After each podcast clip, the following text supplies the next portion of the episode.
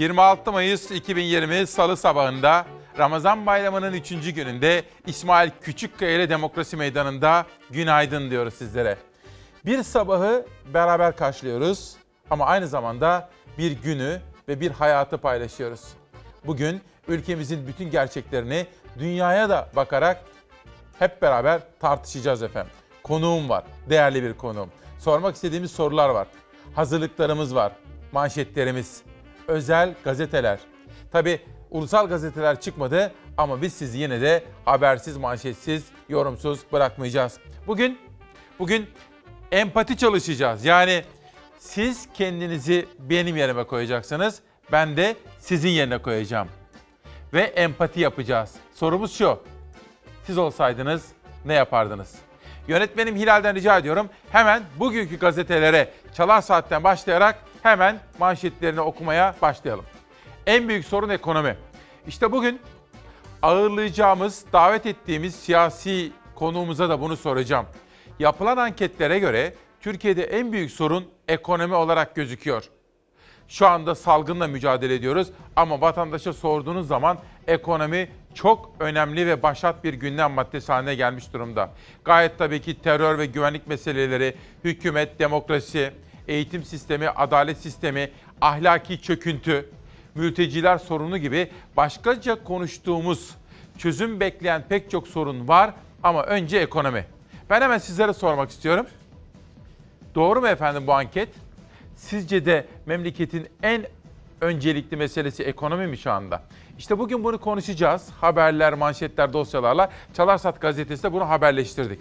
İlerleyen dakikalarda Ali Babacan'ın dün Cüneyt Özdemir'in sorularını yanıtlarken verdiği yanıtlara da bakacağım. Mesela bir önemli açıklama var. Bu daha evvelki bir açıklama, bir gün önceki ama şöyle bir tartışması var. Deva Partisi Genel Başkanı Ali Babacan, Türkiye'de ne zaman ki Cumhurbaşkanlığı forsuyla AK Parti bayrağı yan yana koyulmaya başlandı, o günden beri dikiş tutmuyor. Sistem yanlış.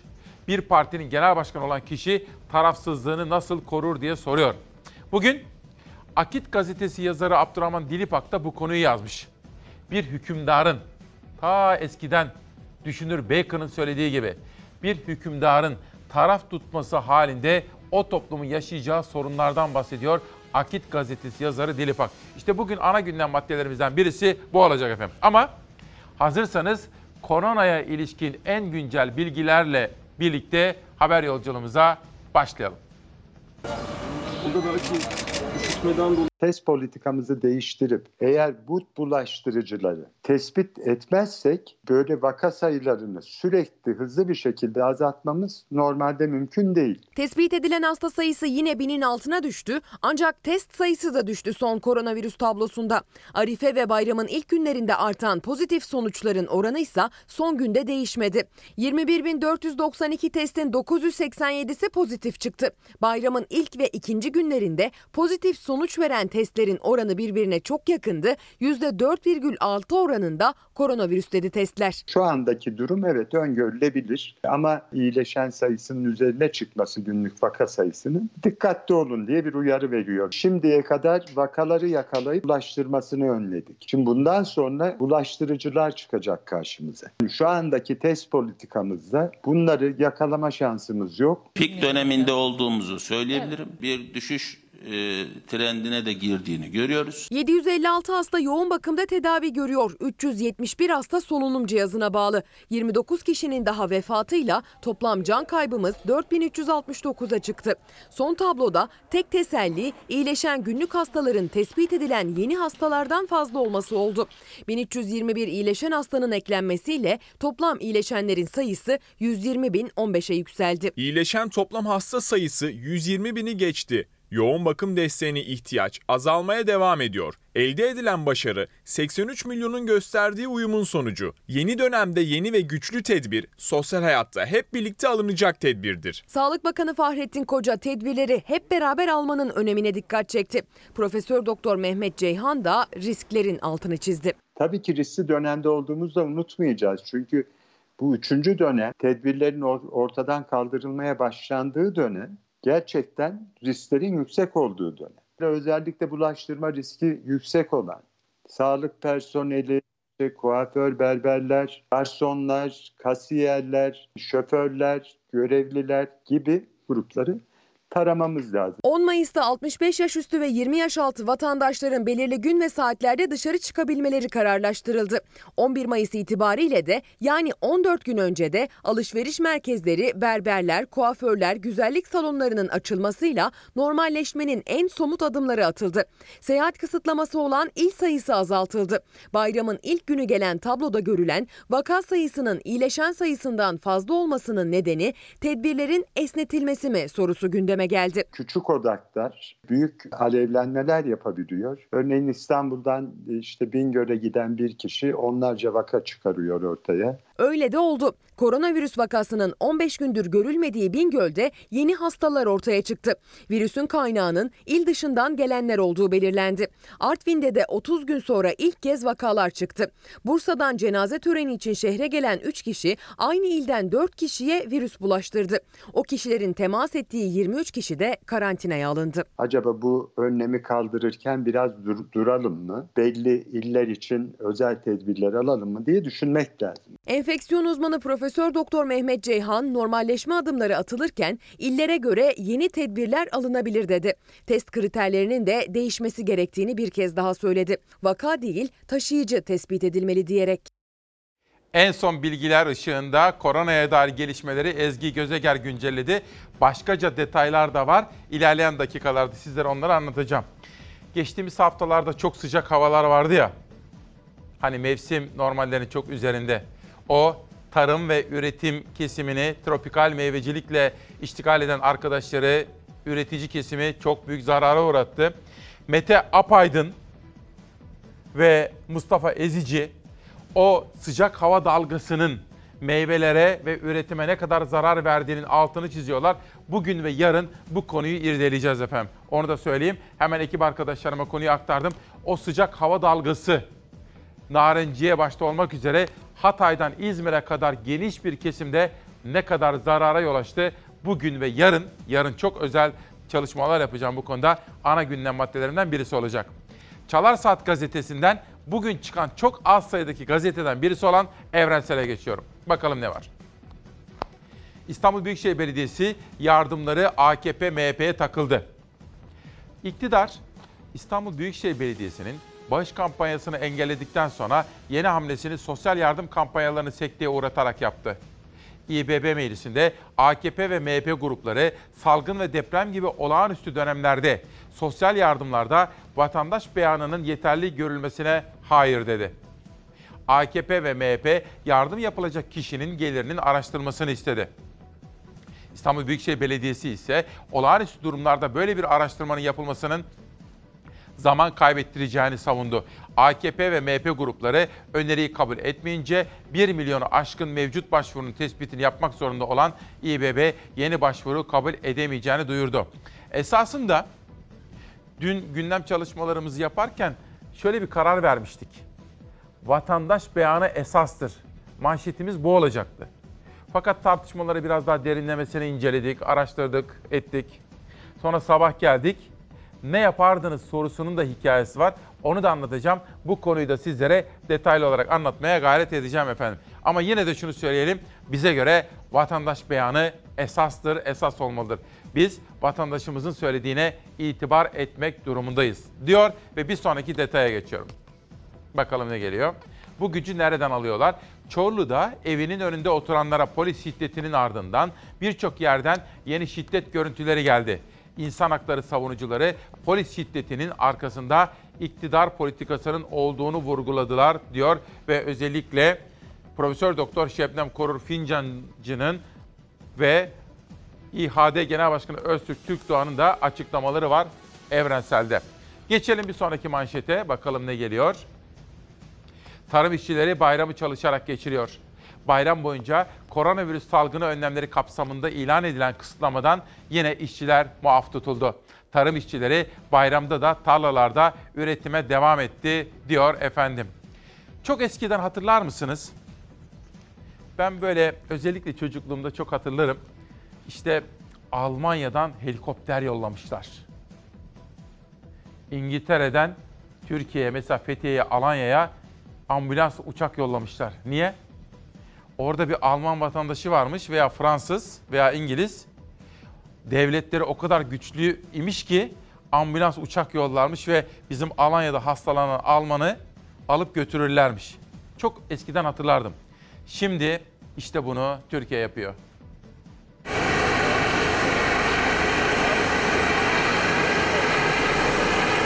Elimden hiçbir şey gelmiyor Bangladeş'te. Lütfen sesime ses olun. Bir an önce vatanıma sağlıkla gelmeme yardımcı olun. Bir annenin sosyal medyadan yükselttiği bu yardım çağrısına kayıtsız kalmadı Türkiye. Koronavirüsle savaşan aile 3 yaşındaki ikizleriyle birlikte Bangladeş'ten İstanbul'a ambulans uçakla getirildi. 5400 kilometre ötede tedavi imkanı bulamayan aile hemen hastaneye götürüldü, tedavi altına alındı. Bangladeş'te yapılamayan tedavilerine başlandı. Mutluyuz. Bir Türk vatandaşına karşı görevimizi yaptık.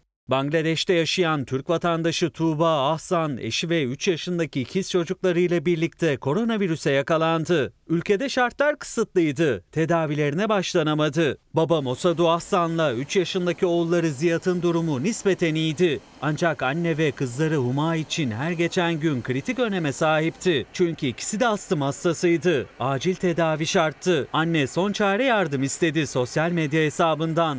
Sağlık Bakanı Fahrettin Koca'ya seslendi. Yaklaşık 10 gündür Covid-19 hastasıyız. Bu süreçte hepimiz enfekte olduk. Ama ben ve kızım astım hastası olduğumuz için daha sıkıntılı ve zor geçiriyoruz bu süreci. Sağlık Bakanlığı hemen devreye girdi. Ambulans uçak Bangladeş'in başkenti Dakka'ya gönderildi. Özel sağlık ekibi 4 kişilik aileyi Bangladeş'ten alıp İstanbul'a getirdi. Uçağı Atatürk Havalimanı'nda ambulanslar karşıladı. Önlemler eşliğinde hastaneye taşındı aile. Kanuni Sultan Süleyman Eğitim ve Araştırma Hastanesi'nde tedavi altına alındılar. Evet bu önemli gelişme bu arada Dim de bu konudaki fikirlerini yazmış bana sağ olsun. Necat Sezengöz istisnasız her sabah 7 yıldır bizimle birlikte o sağ olsun. İsmail kardeşim günaydın. Virüsü çok hafife alıyoruz diyor. O da bazı korkuları var onu da bana aktarmış Necat Sezengöz. Biraz sonra bu özel sabahta tabii hayatı paylaşıyoruz dedim ya. Kaybettiğimiz, yitirdiklerimiz var efendim maalesef. Ama doğum günü kutlayanlar da var. Kalp krizi geçirenler de var. Acısıyla tatlısıyla hayatı beraber karşılayacağız. Her sabahı beraber karşılayacağımız gibi efendim. İşte İsmail Küçüköy ile Çalarsat ailesinin temel özelliği bu. Tasada ve kıvançta, acıda ve tatlı günde birlikte olacağız ki dayanışmayı sergileyeceğiz. Böylece Çalar Saat'te en büyük sorun ekonomi diyen halkımızın ankete verdiği yanıtlar ve Evrensel Gazetesi'nde İstanbul Büyükşehir Belediyesi'nin yardımlarına ilişkin engellendiğine dair iddialar manşetlerde. Geçelim Yeni Birlik Gazetesi'ne. Toplumu zehirletmeyeceğiz diyor. Erdoğan konuşmuş bakın. Erdoğan, Cumhurbaşkanlığı hükümet sistemini ve ülkemize katkılarını hazmedemeyenlerin insanlarımızı zehirlemesine izin vermeyeceğiz. 2023 seçimlerine kadar yoğun gayret içinde olmalıyız. Seçimlere kadar durmak yok ifadelerini kullandı. Önümüzde daha 3 yıllık bir vakit var diyor Cumhurbaşkanı ve Adalet ve Kalkınma Partisi'nin lideri Sayın Erdoğan. Geçelim bir sonraki gazeteye. Bakalım başka ne geliyor? Pencere gazetesi de çıkmış. O da AK Parti'den eskiden milletvekili yapmış bir isim istifa etmişti. AK Parti'den istifa eden milletvekili Mustafa Yeneroğlu utancımdan çocuklarımın yüzüne bakamıyorum diyor. İnsan haklarına ilişkin yaptığı paylaşımlarla son dönemde partisinden dışlanan ve istifası istenen Deva Partisi Genel Başkan Yardımcısı Mustafa Yeneroğlu çok çarpıcı bir itirafta bulundu. Yeneroğlu AK Parti'de siyaset yaparken son bir yılda çocuklarının yüzüne utanmadan bakamadığını söyledi. Yeneroğlu ayrılma sürecini özetledi. Rahatsızlıklarını ilettiğinde Erdoğan'ın anlayışla karşılayabileceğini düşündüğünü ama naiflik yaptığını söyledi. Yeneroğlu zamanla gördüm ki kendi zihin dünyasında hukuk dışında başka kategoriler var. Ben buna kutuplaştırmaya matuf düşman hukuku diyorum dedi. Bugün Ali Babacan'dan da bahsedeceğim ilerleyen dakikalarda. Dün meslektaşımız Cüneyt Özdemir'in sorularını yanıtladı. Ve o da AK Parti'den neden koptuğunu, şimdiki partisinin amaçlarını anlatırken şöyle bir olaydan haberdar etti bizleri kamuoyunu. Dedi ki ben bakanken İş Bankası hisselerine el koyalım diye tartışmalar yapıldı. Ben bunun hakka, hukuka, anayasaya, uluslararası normlara ne kadar aykırı olduğunu anlattım dedi Ali Babacan.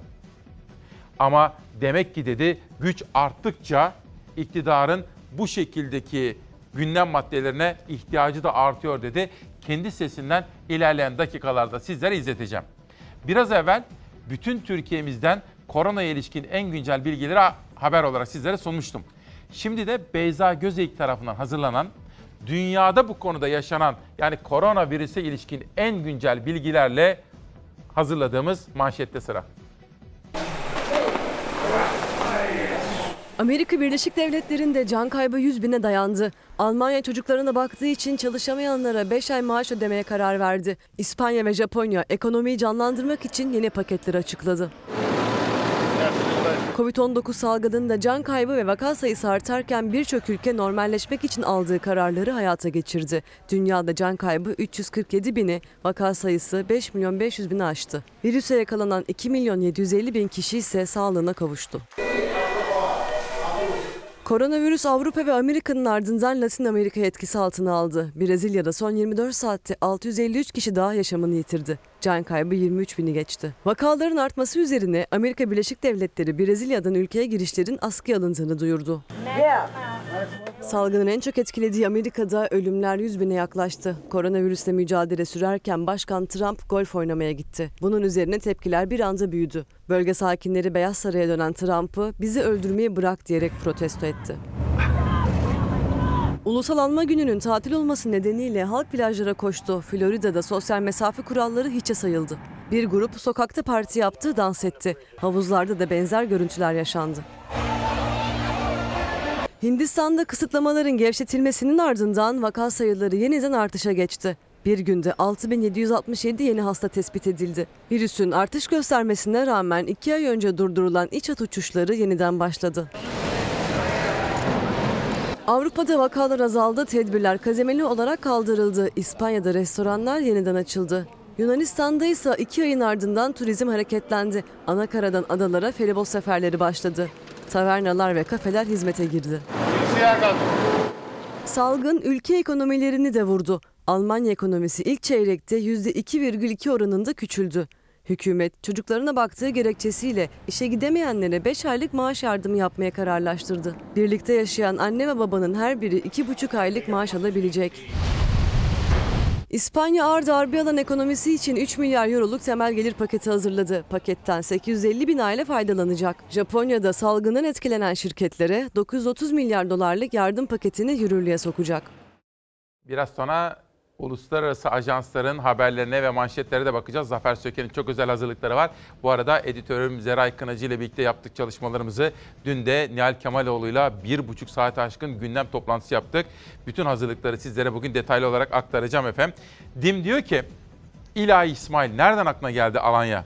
Hani dedim ya sizlere Alanya'ya bir Alman gelmiş, hastalanmış, Almanya'dan helikopter yollamışlar. Nereden aklıma geldi biliyor musunuz? İlk tatilim, ben Hürriyet'te çalışmaya başladım. Hem üniversitede okuyordum. Kardeşim İlyas'la birlikte hadi dedim bir tatil yapalım. Alanya'ya gittik ilk tatilimiz. Benim yaşım ya 21 ya 22. Fakat hiç unutmam. Tabii biz güneş kremi falan nedir bilmiyoruz ki. Güneş kremi falan yok. Fakat neredeyse kaçıncı derece derler. Bayağı yanmıştık yani onu hatırlıyorum. İlk tatilimize oradan hatırlıyorum işte gittiğimiz yere ambulans gelmiş Almanlar bir hastalarını alıp götürmüşlerdi. Şimdi biz de onu yapıyoruz. Bakın Seyit Mehmet Kal, İsmail Bey günaydın. Size ve çalışanlarınıza teşekkür ediyoruz. Bizleri habersiz bırakmıyorsunuz. Ajandanızda bugün Atatürk'e ilişkin ne var? Seyit Mehmet Kal yazmış bunu. Hemen şöyle gösterelim efendim. Heh. Hilal gelin şöyle milli mücadelelere şahsi hırs değil, milli ideal, milli onur sebep olmuştur. Peki Cumhuriyet'in bu idealleri, devrimleri nasıl yaşayacak? Hemen yanda bakın onu da yazmış atamız. Devrimin amacını kavramış olanlar sürekli olarak onu koruma gücüne sahip olacaklardır. Yani Cumhuriyet'in sihrini, manasını kavramış olanlar onu sonsuza kadar yani atamızın söylediği gibi ilelebet yaşatmanın bilgisine de sahip olacaklardır. Bunu anlamamız gerekiyor. Yani Cumhuriyet önemlidir. Cumhuriyetin devrim ve kazanımları hayatidir. Biz onun ne kadar kıymetli olduğunu anlayanlar onu sonsuza kadar yaşatacak akla ve ruha da sahip olmuşuzdur diyor atamız efendim. Pencerede bir daha büyütür müsünüz ne diyordu bir okuyalım sonra geçeceğim. AK Parti'den istifa eden milletvekili Mustafa Yeneroğlu utancımdan çocuklarımın yüzüne bakamıyorum diyor. Bunu okumuştum. Geçelim bir sonraki detaya. Evet. İBB artık yardım talebi alamayacak. 1 Mayıs'taki meclis toplantısında AK Parti ve MHP'li üyeler hayır oyu verdi. İstanbul Büyükşehir Belediye Meclisi'nde AK Parti ve MHP grupları sosyal yardımlara vatandaş beyanının yeterli görülmesine itiraz etti. İBB başvuruların tespiti için yeni yardım talebi toplamayı durdurmak zorunda kaldı diyor efendim. Ve bakın şurada bir detay dikkatinizi çekeceğim. Ekonomik zorluklar yaşıyoruz değil mi? Pek çok vatandaşımız milyonlarca hane sosyal yardımlarla geçimini sağlamak durumunda. Rakama dikkat ediniz. İstanbul Büyükşehir Belediyesi'nin sosyal yardımları kapsamında 530 bin aileye gıda kolisi desteği verilmeye başlanmıştı. 280 binden fazla aileye ise nakdi yardım yapılıyordu. Alınan kararla hızlanması ve artması gereken sosyal yardım süreci yavaşlatılmış oldu diyor. Bu arada hani esnafımız yavaş yavaş işlerin açılması gerektiğini söylüyor çünkü geçinemiyorlar. Bir taraftan harcamalar var, bir taraftan giderler var ama bir taraftan da hayatın yavaş yavaş dönmesi gerekiyor. Sırada berberlerimize ilişkin bir haber var. Berberler ve kuaförler AVM'lerden de daha riskli yerler. Fön mesela çok kritik. Gerçekten virüsün havaya saçılmasını e, kolaylaştırabilir. Millet korkuyor. Ee, pandemi sebebiyle işlerimiz daha düştü. Koronavirüs tedbirleri kapsamında kapatılan berberler ve kuaförler 11 Mayıs'ta açıldı ama müşterileri bir hayli azaldı. Virüs salgını nedeniyle tedirgin olanlar hala gitmiyor kuaför ve berbere. Salgın nedeniyle randevuyla gidilme şartı getirilen ve sosyal mesafe kuralı gereği müşteri oranı oldukça düşen berberler kazanamamaktan şikayetçi. Saat aralıkları bırakarak bir müşteri bir müşteri alacağız. Zaten koltuk mesafelerimiz sosyal mesafeye çok uygundu. Bunu da üçte bir oranında düşürmüş olduk. Tek kullanımlık örtüler, havlular, el dezenfektanları ve sterilizasyon makineleri olmazsa olmaz. Maske, eldiven işte bu ekipmanlar olmadan hizmet vermek de yasak. Kolonyanın litresini 10 liradan alırken şimdi 30 liraya alıyorlar. Maliyetler arttı. Piyasada kolonya bulmak zor diyorlar. Bulduklarına fahiş fiyatlar ödüyorlar. Tek kullanımlık giysi, önlük, maske ve siperliklerle dezenfeksiyon malzemeleri yeni maliyet kalemleri olarak listelerine eklendi. Sürekli kullandıkları sarf malzemeleri ise zamlandı. Bunların hepsi %50, %60'ların üzerinde zam gördü. 5 liraya aldığımız taraya 15 liraya almaya başladık. 50 lira 60 lira civarındaki bu makasları 100 lira 150 lira civarında almaya başladık. Özellikle de işte bu pandemi dolayısıyla kolonya çok aşırı yükseldi. Her müşteriden sonra bütün alet ve edevatlarımızı koltuğumuza kadar her şeyimizi tekrar baştan sterilize ediyoruz. Berberimizin üzerindeki kıyafet tek kullanımlık. Her seferinde yeni müşteri geldiğinde ki müşteri sayısı da artık azaldı. Koltukları dolduramıyorlar. Şu anda tekim ve bakıyorum tertemiz. Yeni müşteri dışarıda bekliyor. Bir endişe duymuyorum. Berber ya da kuaföre giden müşteriler alınan tedbirlerden memnun. Virüsün bulaşma riski getirilen kurallarla en aza indirildi çünkü. Tedbir kapsamında kuaförlerde makyaj, berberlerde sinek kaydı tıraş yapılamaz hale geldi. Berberlerdeki en büyük değişiklik sakal tıraşında. Yeni kurallara göre sinek kaydı tıraşına bir süre ara verildi. Berberler usturaya, tıraş köpüğüne, tıraş fırçasına veda etti. Sakal tıraşı yasaklandı. Ense fırçalarını kaldırdık. Sakal takımlarını kaldırdık. Salgın tedirginliğine pek çok işlemin yapılamaz hale gelmesi eklenince işler azaldı. İki ay kimse sormadı. Nasıl geçindiniz? Evinize nasıl ekmek götürdünüz? Şimdi açıldılar. Başka sorunlarla. 51 gün sonra dükkanımı açmışım. Bir sürü de yük getirmişim. Tek kullanımlıkları bilmem ne. Bir de temin edemiyorum bunları. Bunların da altyapıları olmamış. Ondan sonra diyorsun ki bana faizli para. E ben zaten durumum bozulmuş. Berberler omuzlarındaki yükün artmasına rağmen eskisi kadar kazanamamaktan şikayetçi. Tek kullanımlık malzemelere ücret ödüyorlar. Devletten herhangi bir destek var mı? Yok. Yani müşteriler azaldı, gelirler azaldı. Çözüm devlette. Esnafa ilişkin haberler ve tarım. Yarın da çok detaylı olacak efendim tarıma ilişkin gündem maddem. Daha şimdiden heyecanını hissediyoruz. Bakın gelin hep beraber sizlerden gelen yorumlara bakalım. Tekin Uslu, az evvel Necat Bey dedim ya, Tekin Bey de her sabah bizimledir 7 yıldır. Çok iyi biliyorum. Reklamda bile ayrılmaz. Tekin Uslu, günaydın, hayırlı sabahlar diyor. İbrahim, Şimdi şu sorunu bilmiyoruz ama sosyal medyada çok konuşuluyor. Sürücü belgesine değişik sebeplerden dolayı el koyulan birçok kişi ehliyet affı bekliyor diyor. Bir başka arkadaşım pandemi döneminde her sabah 7.45'te sizi seyredip konuk ettiğiniz bilim insanlarından sağlığımız için değerli bilgileri öğrenmek için çok kıymetli diyor. Teşekkür ederiz.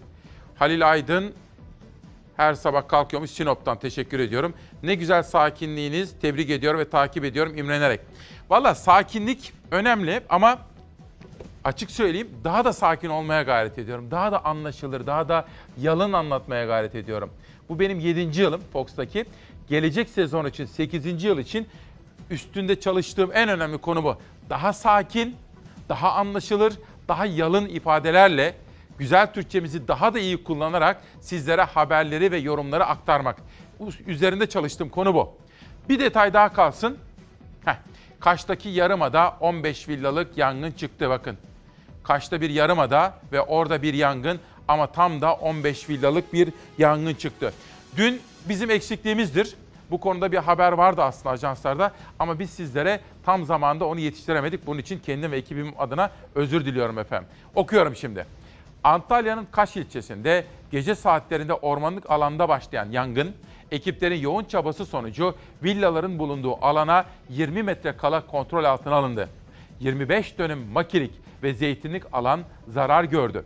Yangının aydınlatma direğindeki ampulün kısa devre yapması sonucunda çıktığı belirtildi. Yangının ardından ortaya çıkan görüntü akıllara kundaklama iddiasını getirdi. Şimdi fotoğrafa bir daha bir bakarsanız yüreğiniz sızlayacak ama önce büyük fotoğrafa bakın.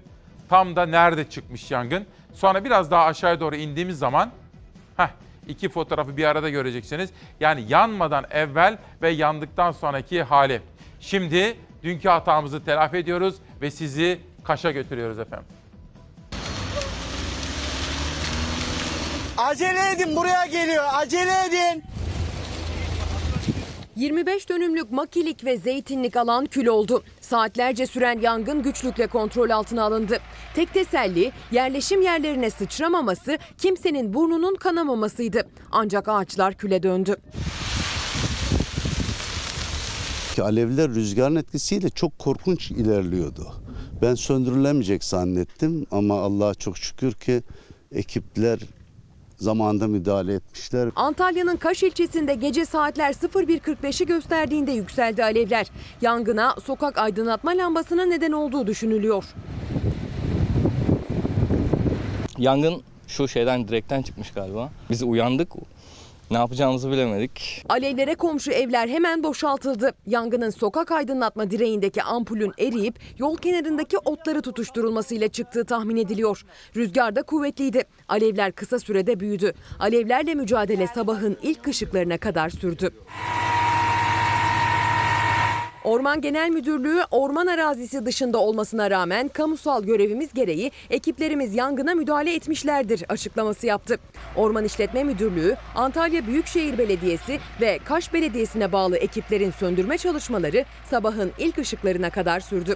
Orman arazisi dışındaydı ama geniş bir ağaçlık bölgeydi yanan yer. Yüzlerce ağaç kül oldu. Toplam 25 dönümlük makilik ve zeytinlik alan yok oldu. Bölgedeki soğutma çalışmaları ise gün boyu devam etti. Bu da bizim hassasiyette takip ettiğimiz konulardan biri. Bugün tabii Çalarsat ailesi Gülsün Hanım, Gülsün Baum, Zeynep Bora'nın ablası. Onun doğum günü var. Onu içtenlikle kutluyoruz. 26 Mayıs'ta doğum günü kutlayan Gülsün Baum gibi bütün Çalarsat ailesini kutluyoruz. Tarım ve üretici dedim ya sizlere. Yarın bazı yerel gazetelerde bu konuda haberler olacak. Özellikle bu sıcak hava dalgasının Narenciye'ye, ta Alanya'dan, Antalya'dan Hatay'a, İzmir'e kadar ne kadar zarar verdiğini geniş bir kesimiz etkilediğini sizlere anlatacağım. Bu arada dün Gönül Talio ile de konuştum. Uzun yıllar tabii Doğuş grubunun rahmetli Ayen Şahin'in sağ koluydu. Şimdi biraz evlatlarıyla tarım işlerine eğilmişler. Manisa'da biraz bilgiler aldım ondan. Önemsiyorum efendim. Böyle başka başka işler yapsalar da şimdi tarıma, üretime, besiciliğe yönelmesini müteşebbislerin çok önemsiyor ve desteklenmesinin altını çiziyorum. Gönül Talio büyüğümüzün de sizlere bayramınızı kutladığını ve iyi dileklerini aktarmak isterim. Bu arada tabii kayıplarımız da var. Hani hep ben derim ya sizlere tasada ve kıvançta, acıda ve tatlı günde. Benim çok sevdiğim, annem gibi bellediğim, hemen hemen her bayramda son yıllarda ziyaret edip elini öpüp sohbet ettiğim Afife Sezer annemi bilirsiniz. Dün de fotoğrafını sizlere aktarmıştım. Bayramlaşmıştık, sizlere selamları vardı. Kaybettik efendim. Afife Sezer annemi kaybettik.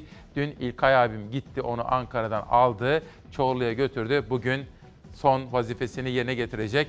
O da bugün acı kaybımız. Bugün Savaş Yıldız'la birlikte yerel gazeteleri de seçmeye çalıştık. Çukurova Ekspres gazetesi çıkmış bugün. Dayanışma ruhu Mersin'de hayat buldu diyor. Mersin Büyükşehir Belediyesi dayanışma ruhunun en güzel örneklerinden birini sergileyerek askıda fatura uygulamasını MESKİ tarafından başlattı. Başkan Vahap Seçer de bir maaşını bağışladı ve başlatılan bu kampanyaya destek oldu diyor efendim. Şimdi bir reklamlara gideceğiz. Reklamlardan sonra döneceğiz. Biraz haber yapacağız. Sonra bir de konuğum var. Ama önce bir kitap tanıtımı yapalım. Tuğba Sarı Ünal Fil Saati kitabıyla bizimle birlikte. Bugün İsmail Küçükkaya ile bayramda bayramı karşıladığımız bu özel sabahta bir demokrasi meydanına konuğumuz da gelecek efendim. Ama önce reklamlara gidiyoruz. Manşetimiz şu. Siz olsanız ne yapardınız? Günaydın efendim. Çok sevgili Çalar Saat ailesi günaydın. 26 Mayıs 2020 Salı sabahında Ramazan Bayramı'nın 3. gününde İsmail Küçükkaya ile Demokrasi Meydanı'ndasınız. Bugün de sizlere çok farklı haberler, manşetler ve Demokrasi Meydanı'nda bir konuğumuzla sesleneceğiz. Hayatı beraber paylaşıyoruz ve her sabahı karşılayarak beraber, hayatın zorluklarını üstlenerek, omuzlarımızdaki sorumluluğun farkında ilerideki güzel, demokratik, mavi, aydınlık günlere yolculuk yapıyoruz. Yönetmenim Hilal'den rica etsem şöyle bir pencere açsak da dışarıya bir baksak. Yağmurdan sonra o kadar güzel bir hava var ki mis gibi böyle derin derin içinize çekin. Sabah biz de kameraman adaşımla İsmail abiyle dışarıda onu yaptık. O kadar güzel ki bir bahar zamanında koronavirüste mücadele kapsamında alınan önlemleri de detaylı olarak konuşmaya devam ediyoruz. Bugün ekonomiyi ağırlıklı olarak gündem maddesi haline getireceğim. İlk sorum şu.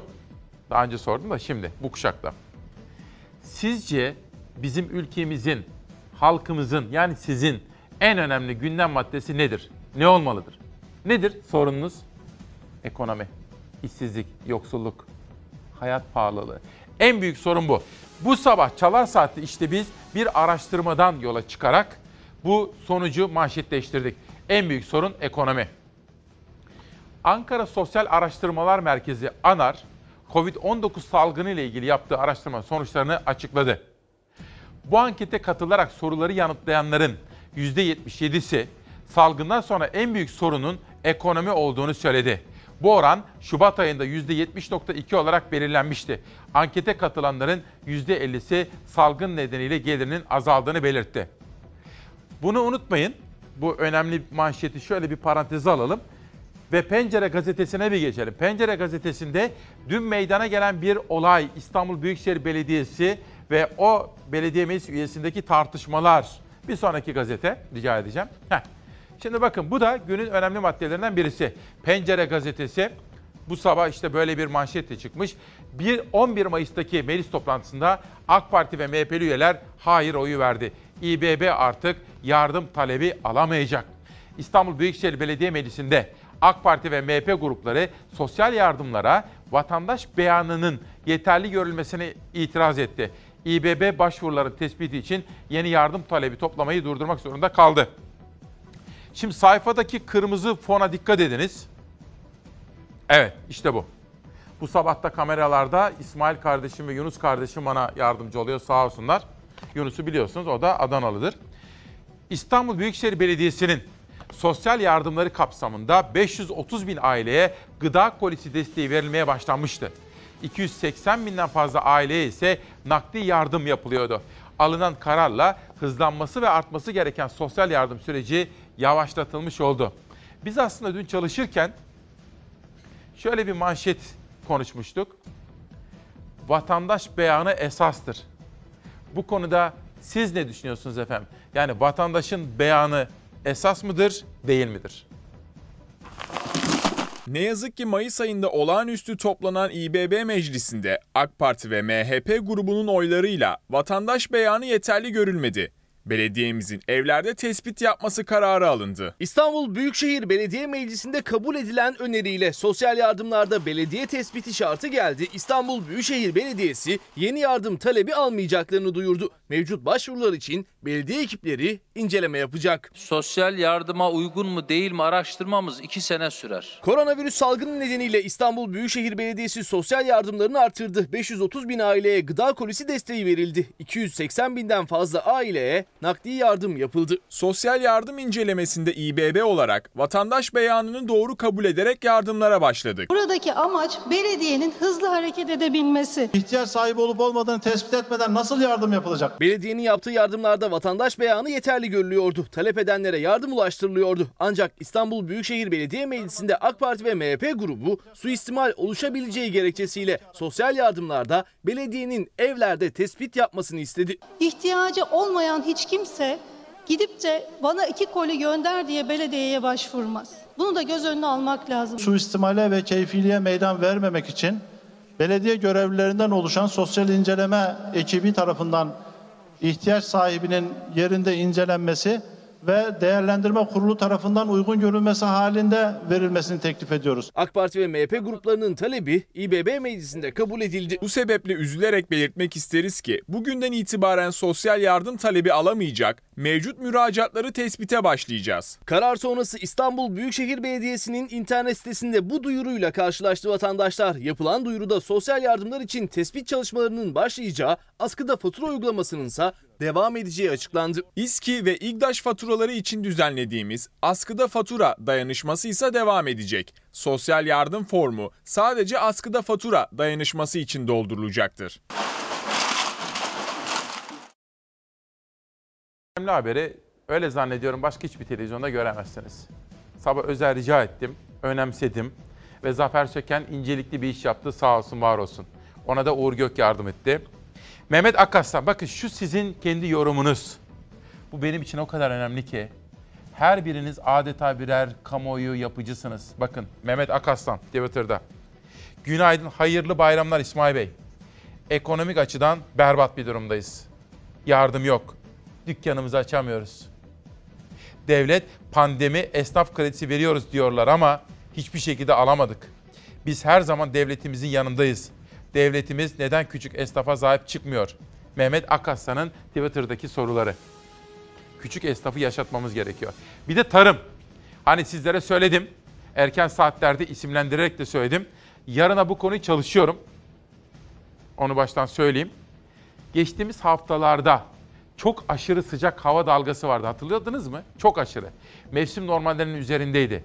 İşte o nedenle Hatay, İskenderun, Antalya, Alanya, Gazipaşa, oradan gelin İzmir'e kadar bütün o sahil bandındaki aşırı sıcak hava dalgası nedeniyle narenciye üreticisi çok zor durumda. Ürünlerinin büyük bir bölümü zarar gördü. İşte o nedenle yarına bu konuyu şimdiden irdeliyorum. Büyük olasılıkla Çalar Saati manşeti yapacağım. Ali Yıldırım. Acaba Ali Yıldırım bu konuda neler söyler? Havadaki ani değişim ve yağışlar çiftçinin kabusu oldu. Neden değişiyor hava? Bir dakika Hilal bir soru soracağım. Neden oluyor bütün bunlar efendim? Bu hava değişiklikleri, bu hiç bugüne kadar görmediğimiz tarzdaki yaşananlar. İklimi bozduk da ondan. İklim bozuk bozulması bunun adı. Ya çevreye karşı duyarlılığımız yok artık ondan dolayı. Geçelim. Aykut Erdoğdu. Türkiye hem ekonomik hem de siyasal krizle savruluyor. Bu kötü durumun doğal sonucu iktidarın ilk seçimleri kaybetmesiyle sonuçlanacak. Bunu ilk görenler de sınırsız kaynaklarla sürekli ölçüm anket yapan iktidar sahipleri. Bu durum iktidar sahiplerinde panik yaratıyor. Bir detaya geçmek istiyorum. Yaşadığımız bu ekonomik daralmanın sebebi nedir efendim sizce? Ne olabilir bana söyleyin. Ali Babacan ki uzun yıllar ekonominin başında patrondu biliyorsunuz. O dün dedi ki bütün bu yaşadıklarımızın şu andaki yönetim sistemiyle doğrudan ilgisi var.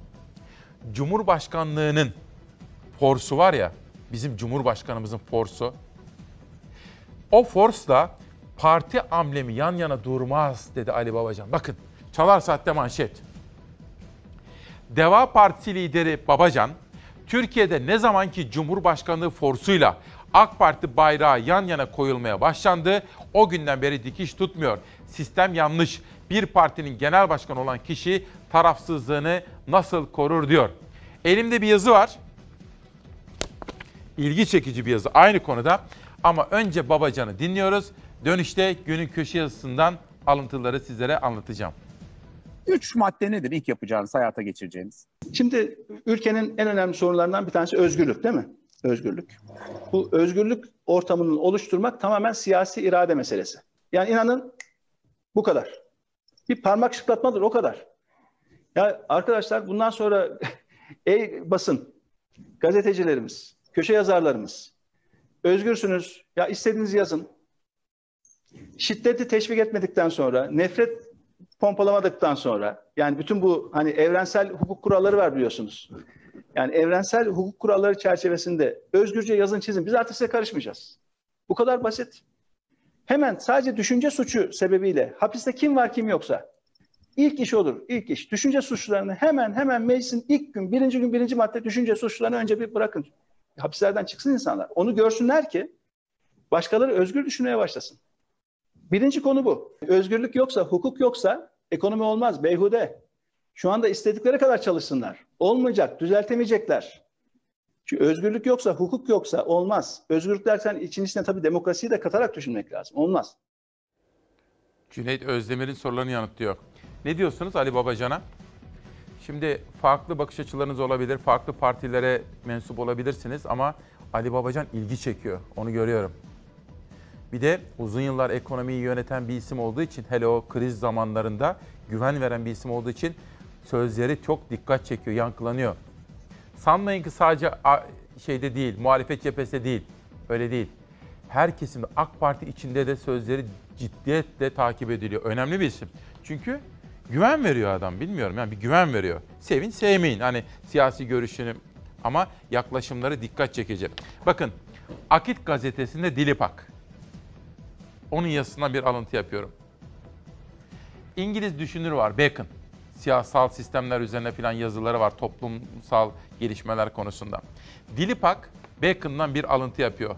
Toplumun babası olması gereken hükümdarların toplumun babası olması gereken hükümdarların yani devleti yönetenlerin bir partiye bağlanıp yan tutmaları durumunda devletin bir yanına çok ağırlık yüklendiği için dengesizlikten batan bir gemiye, gemiye dönüşeceğini söylüyor. Yani diyor ki devleti yöneten kişi tarafsız olmalı. Eğer devleti yöneten kişi bir partiye yakın olursa geminin bir tarafı ağır olur ve su almaya başlar. Batar. Örnekler veriyor Dilipak. Partili başkanlık rejimini tartışırken biz, partili cumhurbaşkanlığı sistemi var ya, işte biz bunu tartışırken bu konu partili cumhurbaşkanlığı yeterince tartışılmadı. Amerika'da var. Bizde neden olmasın diye bir havaya girildi. Çok doğru. Aslında bana göre partili de olabilir diyor. Nasıl olduğunu anlatıyor. Ama cumhurbaşkanlarının yansız, tarafsız olmasının ne kadar önemli olduğunu altını çiziyor. Bakın biz bunu söyleyince kızıyorlar, ediyorlar. Dilipak söylüyor. Dilipak'a kızamazlar. Bize kızarlar, Dilipak'a kızamazlar. Bence haklı. Şimdi bu manşetten buraya devam ediyorum. En son Erdoğdu'da kalmıştık. Ondan sonra Berat Albayrak'tan bir manşet seçtim sizler için. İhracatımız ithalata bağımlı yaklaşımının temelsiz olduğu ortaya çıktı. OECD'nin ihracatın içindeki ithalat payı araştırmasına göre Türkiye %16,5 ile en iyi 20'de ve Almanya, Fransa, İtalya'dan iyi durumda. Yerleştirme ve üretim desteklerimizde bu oranı daha da düşüreceğiz diyor. Berat Albayrak meseleye olumlu açıdan bakıyor. Koray Aydın, deli dumrulu kıskandıran hareketler bunlar. İsrafla, şatafatla ekonomiyi batıran iktidar kaynağı yine vatandaşın cebinde arıyor. Son kararnameye göre döviz alım satım vergisi 5 kat artırıldı. Vatandaş alacağı veya satacağı her 100 doların 1 dolarını vergi olarak ödeyecek. Biliyorsunuz Koray Aydın İyi Parti'nin teşkilatlardan sorumlu ismi. Ülkücü gelenekten geliyor. MHP'nin de çok etkili bir ismiydi. İyi Parti'de çok etkili bir isim. Son zamanlarda da vitesi yükseltmişe benziyor efendim. Yaptığı muhalefet tarzıyla. Mustafa Önsel sormaya devam edelim. MIT raporunda başta dişli olmak üzere ismi geçenleri kim terfi ettirdi? Bunun ortaya çıkması çok önemli. Başta Ahmet Davutoğlu ve diğer ilgililer bunu açıklamak durumunda. 2015 yılı Yüksek Askeri Şurası'da neler oldu diye soruyor. Şimdi bunu şöyle hatırlatmak istiyorum sizlere. Hepiniz benden iyi bileceksiniz ama Ahmet Davutoğlu birkaç gün evvel bir açıklama yaptı. Dedi ki ben başbakandım. Hakan Fidan o zaman da MİT'in başındaydı. MİT başkanı, MİT müsteşarıydı o zaman. Biz dedi Dişli'nin, Dişli var ya darbenin iki numarası. Biri kimdi? Adil Öksüz'dü. Adil Öksüz ve Dişli. Ahmet Davutoğlu ve Hakan Fidan Dişli'nin terfi etmemesi ve hatta emekliye sevk edilmesi için biz dedi raporlar yazdık dedi. MIT'in raporu var ben bunu sundum dedi. Şimdi buradaki soru şu. Bizi 15 Temmuz hain FETÖ kalkışmasına götüren ve bize, devletimize, bize, askerimize, hepimize o travmayı yaşatan 15 Temmuz'a giden süreçte dişliği kim korudu? Bunun ortaya çıkması gerekiyor efendim. Biraz sonra bir parti genel başkanı buraya gelecek. Demokrasi meydanında İsmail Küçükkaya ile Çalar Saat'in sorularını yanıtlayacak. Ona bunu soracağım. Efendim bunu biliyor musunuz diyeceğim. Bu ne anlama geliyor diye kendisine soracağım efendim. Ne yapardınız? Bir de dış medya dünyanın gündemine şöyle bir yakından bakmak istiyorum. Acaba dünyada hangi manşetler bizi bekliyor? İzleyelim bakalım. Dün sizlere detaylı olarak anlatmıştım. Hatırlayacaksınız. İngiltere'de Başbakan Boris Johnson'ın sağ kolu en yakın çalışma arkadaşlarından danışmanı arabaya atlamıştı. İngiltere'deki seyahat kısıtlamasına rağmen 450 kilometre yol gitmişti. Ve şimdi eleştiriler vardı. İşte o danışmanı görüyorsunuz. Boris Johnson'ın en üst düzey danışmanı o. Pişman değilim. Yaptığımdan dolayı özür dileyecek değilim diyor ve istifa çağrılarını reddediyor efendim. The Guardian'ın manşeti. Geçelim Financial Times gazetesine. Financial Times gazetesinde de üzerine doğru gelen ateşi, yaylım ateşini, ortaya çıkan öfkeyi yatıştırmaya çalıştı. Özellikle kısıtlamalar zamanında seyahat ederek o kısıtlama kurallarına uymayan Boris Johnson'ın danışmanı İngiltere'nin manşetinde. Bu haber hazır mı arkadaşlar? Hazır mı? Hayır bu haber hazır mı? İngiltere. Peki o hazırlanıyormuş. Biraz sonra sizlere anlatacağım. Financial Times'tan Liberasyon'a geçelim. O haber hazırlanıyor. Bittiği zaman hazır mı? Peki gelmiş şimdi. O zaman tam zamanı İngiltere'deki o muazzam tartışmaya gidiyoruz. I don't regret um, what, what I did. İngiliz Başbakanı'nın danışmanı seyahat kısıtlamalarına aldırmadı, virüs belirtisi gösteren eşiyle birlikte 400 kilometre yolculuk yaptı. Kamuoyunun tepkisi sonrası kameraların karşısına geçti, pişman değilim, özür dilemeyeceğim dedi. Sorry I'm late. Dominic Cummings son dönemde İngiltere'de çok tartışmalı bir isim haline geldi. İngiliz Başbakanı Boris Johnson'ın baş danışmanı son olarak karantina sürecinde seyahat kısıtlamalarını delmesiyle gündeme geldi. Cummings'in Mart ayının sonunda eşinin koronavirüs belirtisi göstermesine rağmen ülkenin kuzeyine 400 kilometrelik yolculuk yaptığı ortaya çıktı. Başdanışman çocuğunu bakıcıya bırakmak için yolculuk yaptığını söyledi. Seyahat için geçerli gerekçesi olduğunu savundu. Ancak İngiltere'de muhalefet ve kamuoyu Cummings'e eleştiri oklarını yöneltti. İstifasını istedi. Artan kamuoyu baskısı sonrası Cummings dün kameraların karşısına geçti. Karantina kurallarını ihlal etmediğini, çocuğu için seyahat ettiğini söyledi. Başdanışman pişmanlıkta duymadığını ve istifa etmeyeceğini belirtti. I have not offered to resign. Did you ever consider it? It- no, I do not. I have not considered it.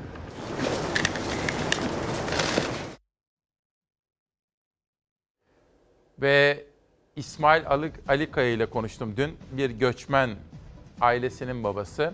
Bizim Serhat Ali Kaya'nın, Gamze'nin babası. Çok severim kendisini. O da bilmiyordum bayramlaşıyorduk. Nasılsın dedim sağlığın nasıl? Ya sorma geçenlerde dedi kalp krizi geçirmiştim dedi. Tabii çok dikkat etmemiz gerekiyor. Bu arada benim çok eskiden beri tanıdığım Cihangir Şahin kardeşim var. Şimdi Çavuşoğlu'nun danışmanı. Onunla da bayramlaşıyorduk. Onun da babası, her sabah anne babası bizi izler. Onun da babası sabah bir gün kalkmış sabah namazında. O da çok ciddi bir rahatsızlık geçirmiş. Ona da şimdiden geçmişler olsun diyorum. Ama sağlıklarına kavuşmuşlar efendim. Yerel gazetelerde Hatay'da kalmıştık. Tarihimize sahip çıkmak boynumuzun borcu. Belen Belediye Başkanı İbrahim Gül ki MHP'li bir belediye başkanıdır. Geçtiğimiz haftalarda çok hoşumuza giden, desteklediğimiz bir projesinden bahsetmiştim sizlere. Belen'in MHP'li belediye başkanı İbrahim Gül, geçmişi tahmini bin yıla dayanan tarihi yapıları kendi imkanlarıyla restore ettirdi. Tarihimize sahip çıkmak boynumuzun borcu diyen Gül, amacımız sadece hizmet etmek diye konuştu. İyi giden, iyi çalışan bir belediye başkanı. Geçelim o esinden sonra bir başka gazete gelsin. Olaydayız, Şanlıurfa'dayız. Çevik kuvvet kavşağı yılan hikayesine döndü. Fakı Baba baskı yapıyoruz ama ödenek yok diyor. Şanlıurfa'nın yarım kalan projeleri halk arasında tepki görmeye devam ederken bu projelerin başını Çevik Kuvvet Kavşağı çekiyor. Bir türlü bitirilemeyen Çevik Kuvvet Kavşağı'nın ne zaman tamamlanacağı, tamamlanacağına dair kesin bir tarih verilemiyor. Fakı Baba'da gelişmeleri ödenek yetersizliği diye açıklamış efendim. Yerel gazetelerden birisi daha gelsin. Karadeniz'deyiz bu kez. Daha evvel de sizlere sunmuştuk. Karadeniz'in gündeminde bu olay var. Olmazsa olmazımız Samsun Sarp Demiryolu diyor ve çok farklı görüşler de var haberin içerisinde. Ordu, Giresun, Trabzon, Rize, Artvin bütün bu bölge halkı Samsun Sarp Demiryolu'nun tamamlanmasını bekliyor diyorlar. Bir de efendim bugün bayram ya.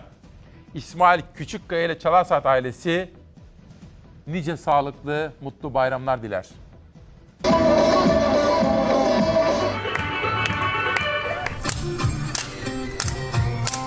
Askerler askerler. Hoş geldiniz, hoş geldiniz. Hepinize hoş geldiniz. Bayramlaşmaya geldik.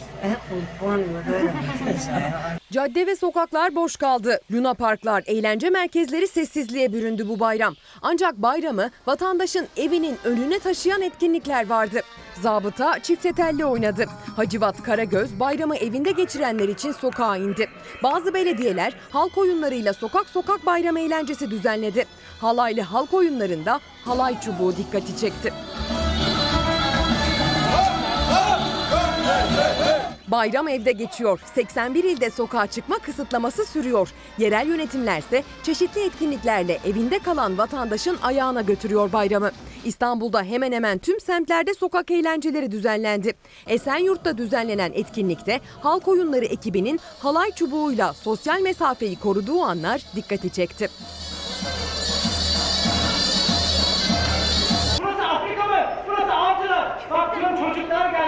Bak etrafına bir bak. Bak burada çocuklar var. Ne? Çocuklar mı gelmiş? Hani nerede? Hem de Kayseri'den ha? Avcılarda sokak sokak Hacivat Karagöz gösterileri yapıldı. Balkonlar, pencereler izleyicilerle doldu. Kapılarının önüne inen çocuklar nostaljik bir bayram eğlencesi yaşadı. Bunu yaptığınız için size teşekkür ederiz. Çok eğlendik. Ee, bir anda tabii çok şaşırdım ben.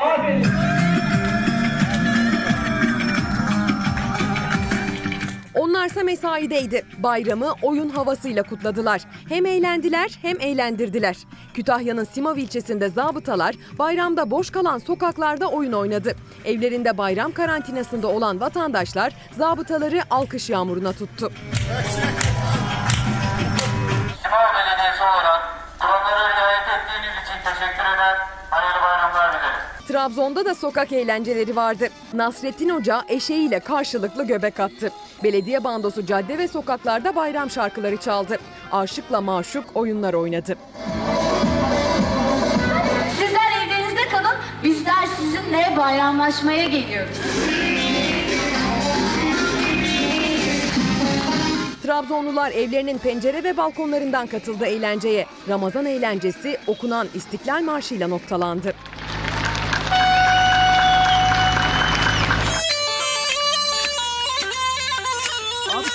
Rize'de çay hasadı bayram demeden devam etti. Ancak tulum eşliğinde kesildi çaylar. Bu yıl sınırlar ötesinden işçi getiremeyen Rizeliler günlük kotalarını tamamlamak için var gücüyle çay kesiyor. 81 ile getirilen sokağa çıkma kısıtlaması onları kapsamıyor. Ne bayram dinliyorlar ne de yağan yağmuru aldırış ediyorlar. Çay bahçesine getirilen tulumsa güçlerine güç katıyor.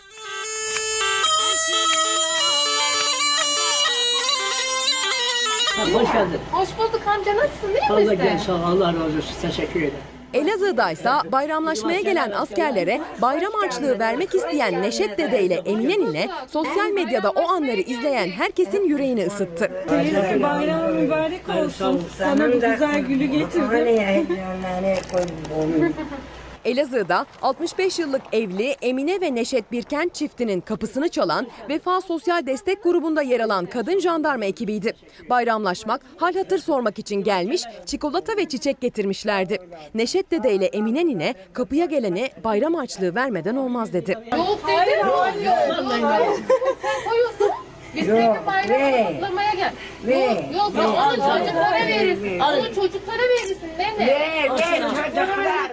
Jandarma ekipleri zor ikna etti Birkent çiftini. Çocuklara ver, ne yapacağız? Yok yok. Geliriz kahve yapar, yaparsınız. beni içeriz. Gelin yapın. Para da var, Tamam. süt de var, her şey Tamam. Bir kahve ikramıyla bayram harçlığı ısrarı son buldu. Neşet Dede ile Emine Nine ziyaretlerine gelen askerlerle sohbet ederek bayram etti. Gerçekten şahane bir haber olmuş. Ezgi Gözeger'e de teşekkür ediyorum. Bu bayram gününde bütün ekip arkadaşlarım, işte Zeray Kınacı ile çalıştık, editörüm. Zafer Söken, Ezgi'den bahsettim. Beyza Gözeyik haber yaptılar. Hilal ve bütün rejideki ekip arkadaşları bugün Latif abimiz bizimle teknik yönetmen. Onun dışında sesçimiz Turgay. Kameradaki arkadaşlarımı az evvel söylemiştim. Dün gündem çalışmamızı Nihal Kemaloğlu ile yaptık ve Doğan Şentürk'ün yönetimindeki Fox Haber'e teşekkür ediyoruz. Zera ile gündem çalışmasının hemen ardından gazetemizi Tuğba çizdi. Bu Tuğba'nın adı neydi soyadı? Kula. İki Tuğba var da ben onları karıştırıyorum. Küçük Tuğba bu. Ben ona hatta şey dedim. Bundan sonra sana Tuğba Kemal diyelim dedim de o. Ha bu arada az evvel size Dilipak'ın yazısından bahsetmiştim. Tabii öbür gazeteler çıkmadığı için internet sitelerindeki yazılardan da alıntılar yapıyorum. Kübra Par'ın bir yazısı var Habertürk'te. Oradan bir alıntı yaptım. Onu biraz sonraki konuğuma soracağım. Bir de T24'te Hasan Cemal bugün cezaevindeki bir gazeteciden Ahmet Altan'dan bahsediyor. Ahmet Altan'ın cezaevinden Washington Post'ta yazmış olduğu bir yazı. Koronavirüs, ümit ve ümitsizlik. Ümidimi kaybetmem şeklindeki yazısından alıntı yapıyor Hasan Cemal bugünkü T24'teki yazısında. Medya dünyasına notlar da böyle efendim. Edirne'de iz bırakanlar Güngör Mazlum. Edirne'de iz bırakanlar kitabını yazmış ve sosyal medyanın gündemine de bakmaya devam ediyoruz. Gelsin bakalım ne var. BBC News. Döviz ve altın işlemlerinde vergi oranı binde 2'den yüzde 1'e çıkarıldı. TÜSİAD Baş Ekonomisti Zümrüt İmamoğlu, Tobin vergisi olarak bilinen bu vergi tipik bir sermaye kontrolü aracıdır. Sorunları düzeltmez diyor. Bunu da konuğumuzda tartışacağız. Selahattin Uçküner, İsmail 40 yıllık esnafım. Çek ödemelerini düşünmemden gece uykuları haram oldu. Yapılan destekler yetersiz. Acilen faizsiz COSGAP kredisi ihtiyaç var. Diyor. Esnafın sorunlarını bahsetmemi istiyor Selahattin Bey. Cem Küçük, Donald Trump TRT World'ü rite etmiş. TRT World başarılı bir kanal tebrik ediyorum. Yalnız bu akşam Amerikan ana akım medyası Trump'a bu RT'den dolayı ağzına geleni sayacaktır. Demedi demeyin diyor. Dün sosyal medyada TRT World'de bir tartışma konusuydu. Onu da yansıtıyoruz. Fatih Yaşlı. Şimdi karardan bir haber almış Fatih. İstanbul Büyükşehir Belediyesi'nin salgın dönemindeki yardımlar için vatandaş beyanının doğru kabul edilmesi teklifi AK Parti ve MHP tarafından reddedildi.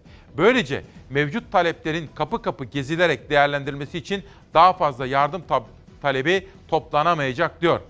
Sadaka mekanizması üzerinden yaratılan seçmen tabanı elden gitmesin diye. Yani iktidarın belediyeleri engellediğine dair iddiaları bu şekilde yorumluyor Fatih Yaşlı. Pencere gazetesinde bugün Yeneroğlu vardı. Yönetmenimden rica edeceğim o gelsin. Bugünkü manşetimiz İsmail Küçükkaya Demokrasi Meydanı'nda siz olsanız ne yapardınız? Pencere gazetesi gelecek ve orada Yeneroğlu'nun bir haberini göreceğiz. Yeneroğlu kim? Heh. AK Parti'den istifa eden milletvekili Mustafa Yeneroğlu utancımdan çocuklarımın yüzüne bakamıyordum diyor. Bakalım neymiş? İnsan haklarına ilişkin yaptığı paylaşımlarla son dönemde partisinden dışlanan ve istifası istenen Deva Partisi Genel Başkan Yardımcısı Mustafa Yeneroğlu çok çarpıcı bir itirafta bulundu. Yeneroğlu AK Parti'de siyaset yaparken son bir yılda çocuklarının yüzüne utanmadan bakamadığını söyledi. Yeneroğlu ayrılma sürecini de şöyle özetledi. Rahatsızlıklarını ilettiğinde Erdoğan'ın anlayışla karşılayabileceğini düşündüğünü ama naiflik yaptığını söyledi. Yeneroğlu zamanla gördüm ki kendi zihin dünyasında hukuk dışında başka kategoriler var. Ben buna kutuplaştırmaya matuf düşman hukuku diyorum dedi efendim. İşte Yeneroğlu'nun manşeti. Tabii bugünlerde eskiden AK Parti'de olup da şimdi ayrılan gerek Babacan'ın gerekse Davutoğlu'nun partide yer alan isimler çok daha fazla seslerini yükseltmeye başladılar. hukuksuz bir e, e, noktaya gelindi ki Türkiye herkes ben buradan ayrılırsam hain ilan edilirim endişesini zaten taşıyor şu anda. E demek ki siz kurduğunuz, inşa ettiğiniz sisteme güvenmiyorsunuz. Kurduğunuz, inşa ettiğiniz sistemin bir korku rejimi olduğunu düşünüyorsunuz. Ve bugün en fazla bağıranlar, onu özellikle altını çizerek söyleyeyim. En fazla bağıranlar, en fazla korkanlardır. Eve gittiğiniz zaman çocuklarınızın yüzüne huzur içerisinde bakabiliyor musunuz? siyaseti bıraktıktan sonra geri dönüp baktığınızda acaba ben kendi ilkelerimi, kendi değerlerimi, menfaatime, makamıma kurban ettim e, şeklinde bir yaklaşıma sahip olacak mısınız? E, namazdan sonra dua ettiğinizde acaba e, rahat bir biçimde, huzur içerisinde, kendinizle barışık bir biçimde e, Allah'a yalvarabiliyor musunuz? AK Parti'de siyaset yaparken çocuklarınızın yüzüne e, utanmadan yani e, bakamıyor muydunuz? Son bir yılda bakamıyordum. Bir arkadaşımız var Özkan Fenerbahçeli. Orada hem Atatürk hem de Fenerbahçe logolarını görüyorum. Başta çok sevdiğimiz başkanımız Ali Koç olmak üzere bütün Fenerbahçe camiasının ve bütün Türkiye'mizin bayramını kutluyorum diyor Özkan. Biz de hem Ali Koç'a hem de bütün futbol dünyasına da biz de hem de bütün Türkiye'mize mutlu ve sağlıklı bayramlar diliyorum. Efendim bugün İsmail Küçükkaya ile Demokrasi Meydanı'na Türkiye'nin tarafsız kanalına, bağımsız kanalı Fox'a CHP lideri ana muhalefet partisinin genel başkanı Sayın Kılıçdaroğlu geldi. Kendisine sormak istediğim o kadar çok soru birikti ki bu sabah akışı biraz değiştirdim. Reklam aralarını falan da değiştirdim. Çünkü bugün gündem çıkacak, gündem olacak manşetler var. Şu anda Kılıçdaroğlu gelmiş buraya ve genel yönetmenimiz Doğan Şentürk'ün yanındaymış. Arkadaşlarım bana haber veriyorlar efendim sağ olsunlar. Elif Naz Kükürt, Gökyüzümdeki Yıldızlar manşetiyle bugün bakın kitabıyla yanımızda. Ve Gerçek Yaşamdan Öyküler Ayhan Fırtına. Her sabah olduğu gibi kitap tanıtımlarında önemsiyoruz. Bugünlerde İstanbul'a şöyle bir bakarsanız, İstanbul Boğazı'na rengi o kadar baştan çıkarıcı ki turkuaz'a döndü resmen.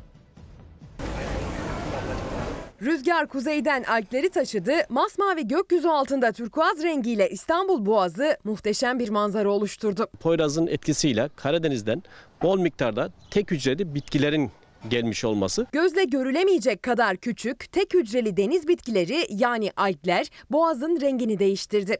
İstanbul'un iki yakası arasındaki eşsiz güzellik İstanbul Boğazı'na turkuaz renk çok yakıştı. İstanbullu bayramda 81 ile uygulanan kısıtlamalar kapsamında evlerindeydi. Ancak Boğaz'ın eşsiz güzelliği yerli yerindeydi. Boğazlara baktığımız zaman Boğaz'da da şu anda Karadeniz'de su akıntılarının kuzeyli olduğunu, yine rüzgarın da Poyraz estiğini, daha çok kuzeyli rüzgardan olduğunu görüyoruz. Son günlerde kuzeydoğudan esen Poyraz üzerimize soğuk havayı taşıdı. Denizdeki su akıntıları ise Karadeniz'den Marmara'ya gözle görülemeyecek kadar küçük deniz bitkilerini getirdi. Kuzeyli rüzgar ve kuzeyli su akıntıları denizde renk değişimine sebep oldu. Bol miktarda su yüzeyinde veya su içeriğine tek hücreli bitkiler gelmekte. Şimdi bu tek hücreli bitkilerin değişim esnasında turkuaz rengine yansıtacak renkler oluşmaktadır. Sabahın ilk ışıklarındaysa Boğaz'da Yunus balıklarının dansı yansıdı kameralara. Bu sabah gün doğumuyla birlikte Sarayburnu sahilinde dans ediyordu Yunuslar. Deniz trafiğinin son bulmasıyla artık kıyılara daha çok sokulan Yunus balıkları Boğaz'ın serin sularının tadını çıkardı. Söz vermiştim unuttum sanmayın. Deniz Temiz Derneği ile ilgili haber yapacağım. Hatta başkanlarını buraya davet ettim. Ama o kadar yoğundu ki ilk fırsatta gelecek ve sizlere Deniz Temiz Derneği ile ilgili yaptıklarını anlatmak istiyorum. 25. yılında çevremiz ve denizimizi temiz tutmak zorundayız. Görkem Ercan bu sabah kiminle uyandın diye soruyor. Bir kırık gençlik hikayesi Ayşe Demir'den. Şükrü Erbaş'ı ne kadar sevdiğimi, ne kadar kıymet verdiğimi biliyorsunuz. Ondan bir dize okuyacağım. Sonra izninizi isteyeceğim. Normalde reklam arası saati değil ama Kılıçdaroğlu gelmiş. Kendisini huzurlarınıza getirmek istiyorum. Televizyonlarınız açık kalsın efendim. Çünkü bugün buradan çok manşetler çıkacak. Çok hazırlıklar yaptık. Önce bir şiir, sonra müsaadenizle gideceğim ve Kılıçdaroğlu ile birlikte geleceğim ve demokrasi meydanını başlatacağım. Ben ben yola aşığım. Çünkü üstünde tanıştık. Ayrılıktan sonra da süren yola.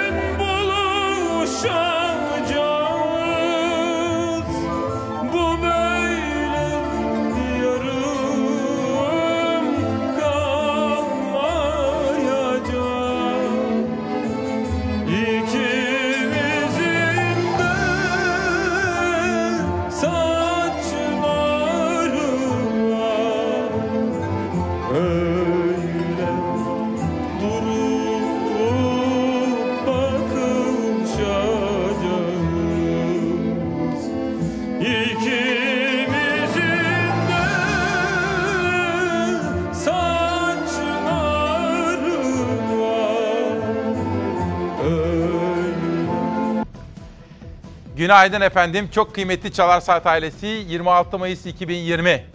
Günlerden salı Ramazan bayramımızın 3. günündeyiz. İsmail Küçükkaya ile Demokrasi Meydanı'na ülkemizin ana muhalefet partisinin CHP'nin genel başkanı Sayın Kılıçdaroğlu geldi. Efendim hoş geldiniz. Hoş bulduk efendim. Nasılsınız? Gayet iyiyim sağ olun. Teşekkür Bayramınız ederim. mübarek olsun. Ya, sağ olun. Sizi sağ olun. kolonyayla selamlayalım. Teşekkür ederim. Çok sağ olun. Bayramınız mübarek olsun Sağ olun, efendim. sağ Her olun. şey yolunda mı? Nasıl geçiyor bayramınız? Gayet iyi, gayet iyi. Ee, evde geçiyor. Evet. Ee, bol miktarda telefonlarla e, e, konuştuk. Ee, parti liderlerini aradım. Ee, bazı önemli kanaat önderlerini aradım. Aile büyüklerimiz var, onları aradım. Kardeşlerim var, dostlarımız var. Aradık, konuştuk ve çok sayıda da telefon geldi tabii doğal olarak. Telefonlarla da vatandaşlarla bayramlaştık. Arada da bu pandemi zamanında görüyorum ben. Zaman zaman haberlerinizi de veriyorum. Ee, uzaktan internet aracılığıyla da görüşmeler O sürdürüyorsunuz. şöyle e, hemen hemen e, video konferans yoluyla işte e, toplumun değişik kesimleriyle sanatçılar da var bunun içinde, esnaf da var bunun içinde, çiftçiler de var bunun içinde, doktorlar, hekimler de var bunun içinde. Dolayısıyla toplumun değişik kesimleriyle belli gençler, e, 81 Efendim, ilden bir de gençler. geçen haber yaptık. Çok önemli saydım ben onu. Apartman görevlileriyle yaptınız. Evet apartman görevlileri bizim e, kapıcı olarak Evet. tanımladığımız apartman görevlileri Fedakar, ki bunlar emekçiler. gerçekten de şimdi bakın e, Ve İsmail onlara Bey, örgütlenin dediniz. e, örgütlenin hak isteyin, hakkınız onlara onların hakları var, yasal hakları var. Fakat bireysel çalışıyorlar, aile boyu çalışıyorlar. Gereksizse 24 saat çalışıyorlar. Ama bunların da hakları var, hukukları var, sigortalı olma hakları var. Bunların da tatil hakları var. E, Dolayısıyla bunların haklarını hatırlattım. Örgütlenin mutlaka örgütlendiğiniz zaman daha güçlü hale gelirsiniz. Örgütlendiğiniz zaman haklarınızı talep edebilirsiniz. Yasal haklarınızı kullanabilirsiniz diye. Onları da ağır ağır bir dönem hatırlar mısınız İsmail Bey? Taşeron işçilerinin örgütü yoktu. Ve taşeron işçilerinin çalışma süreleri bir kişinin iki dudağına bağlıydı. İşine son verdim yarın sabah gelme dediği zaman gelmiyordu. Taşeron işçilerini Erzurum'dan başlayarak İstanbul'a kadar bütün süreç içinde önce dernek kurmalarını istedik, örgütlenmelerini istedik. Sonra ben onları her ortamda dile getirdim. Sonra taşeron işçilerinin büyük bir kısmı haklarını aldılar, kadrolu oldular. Apartman görevleri içinde bunun yapılması lazım. Ve şunu da kabul etmemiz lazım. Gerçekten de biz evimizde otururken onlar geliyorlar bakkaldan gidip alışverişi onlar yapıyorlar. Yani Covid-19 sürecinde bu süreçte doğrudan doğruya riskle bizden daha fazla onlar karşı karşıyalar. Ve onlar bizim rahat etmemiz için ellerinden gelen her türlü çabayı Siz gösteriyorlar. de biz onların haklarını ödeyelim diyorsunuz. Haklarını ödeyelim. Örgütlensinler diyorsunuz. Aynen öyle. Aynı Aynen zamanda efendim bu uzaktan görüşmeler içerisinde ben bunu da önemsiyorum. Evet. Meslek bir- birlikleri. Mesela Türk Tabipleri Birliği, Türk Eczacılar Birliği, Diş Hekimleri onlarla da görüştünüz. Ben bunu da Türk Hemşireler Birliği tabii hepsiyle de görüştük. Çünkü e, Veterinerler Birliği bunların da tabii sorunları var. Bu süreçte onların da bu sürecin hasarsız atlatılması için onların da e, katkıları var. Onların da önerileri var. Bunların dikkate alınması lazım. Keşke bunu siyasi iktidar yani devleti yönetenler yapsalardı. Ama biz niye bunlarla görüşüyoruz? Çünkü onların görüşlerini istiyoruz. Politika oluşturmak için, var olan sorunların nasıl çözüleceğini öğrenmek için, süreci nasıl daha rahat atlatabiliriz, hangi önerilerde bulunabiliriz. Bütün bunlarla oturduk. Esnafla da konuştuk. Esnafı da dinledim. Kahvecisinden tutun bakkalına kadar, efendim e, berberinden tutun, efendim e, işte taksi şoförüne kadar onlarla da bir araya geldik. Onları da dinledim. Onların da sorunları nedir? Hangi sorunları yaşıyorlar? Bir şekliyle bizim ürettiğimiz politikalardan memnun olduklarını söylediler bugüne kadar. Onun altını özenle çizmek isterim. Çünkü biz toplumun her kesimine dokunmak, her kesimin sorunlarını dinlemek ve o sorunlara çözüm üretmek gibi bir çaba gösterdik bu süreç içinde. Bunların bir kısmı uygulandı, bir kısmı uygulanmadı. Ama önemli olan şu, herkes şunu gördü. Yani Cumhuriyet Halk Partisi belediyelerle alanda, nerede varsa bir belediyemiz alanda çalıştı. İki, parti olarak belediyelerle merkez arasında son derece güçlü, güzel bir e, irtibat kurduk. E, Beraber oturduk, beraber konuştuk. Sorunlara nasıl çözüm üretilir bunlarla ilgili birlikte çalışmalar yapıldı. E, Kurallar kondu. O kurallara uygun olarak her belediye başkanımız kendi bölgesinin de özelliklerini dikkate alarak politika oluşturdu. Bütün bunlara baktığınız zaman devletin ne kadar rahat ve kolay yönetilebileceğini, eğer özel bir beklentiniz yoksa, özel bir çıkar sağlama amacınız yoksa, Pardon. Böyle mi hissediyorsunuz? Mesela seçimi kazansanız, Cumhurbaşkanı olsanız, ülkeyi yönetseniz kolay yönetebilir misiniz? Efendim e, en rahat yönetilen kurum devlet yönetimidir. Daha doğrusu şöyle söyleyeyim. En rahat yönetilebilecek olan kurum devlet yönetimidir.